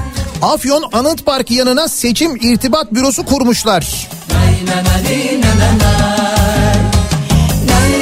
Evet Afyon'da kurulmuş hakikaten böyle bir yer.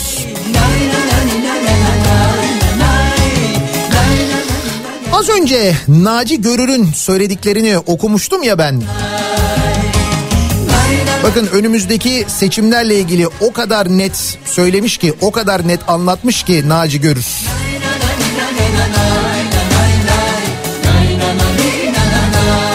Senin çoluk çocuğunun, torunlarının ve neslinin bu topraklarda ilelebet yaşamasını istiyorsan partizanlığı bırak ve sana deprem konusunda ciddi vaatlerde bulunan, plan ve programı olan ve yaşam hakkını her şeyin üzerinde tutan partiye oy ver.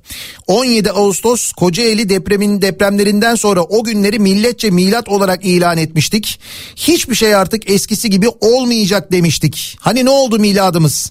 Eğer bu sefer de gereğini yapmazsak sorumluluk ve vebalden, vebalden kurtulamayız. Eğer afetleri gelecekteki canlarımıza ihale etmek istemiyorsanız bu sefer gereğini yapın demiş Naci Görür Hoca. Çok daha doğru söylemiş.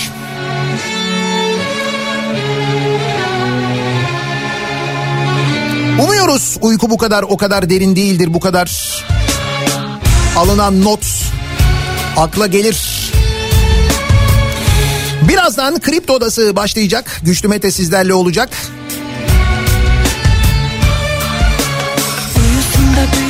Tekrar görüşünceye dek sağlıklı bir gün, sağlıklı bir hafta geçirmenizi diliyorum. Hoşçakalın. Eline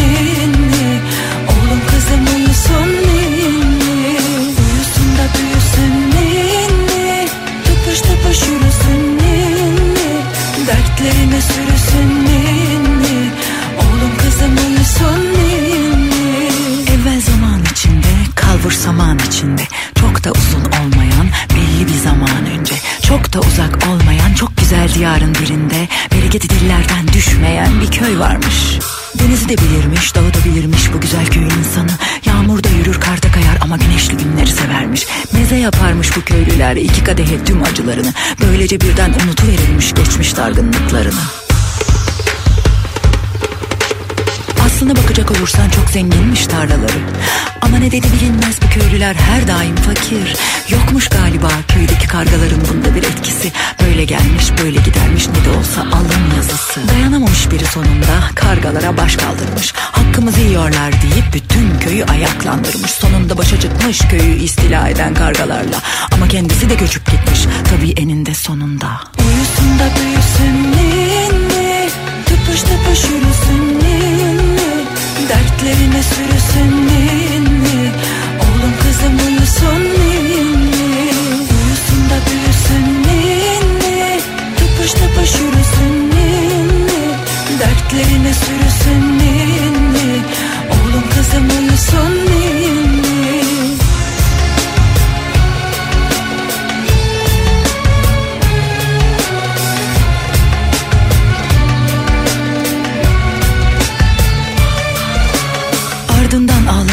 köydeki herkes çok uzun yıllarca Ağlarken ağlarken kargaları tamamıyla. Üzülüp dövünüp dururken birden övünmeye başlamış. Ancak övünüp durduğu sadece hatıraymış. Günün birinde köyün üstüne kapkara bulutlar yerleşmiş. Kimse bulutları kargaların getirdiğini fark etmemiş. Köydekiler yaz yağmurudur. Gelir geçer zannetmişler. Ama bu kara bulutlar kopacak fırtınanın habercisiymiş. Kargaların çalacağı emekten medet uman bazı kurnazlar köylüye ninniler söyleyip apacık hedef şaşırtmışlar. Soytarısıyla yalancısı bu köyün bir gün gelmiş el ele vermiş. Bildik beyaz camın içine girip siyah yalanlar söylemiş. Onların baktığı yerden bütün köy çok aptalmış. Çünkü aptal olmasalar böyle aldanmazlarmış. Değil mi ki bütün köy olana bitene ses çıkarmadan bakmış.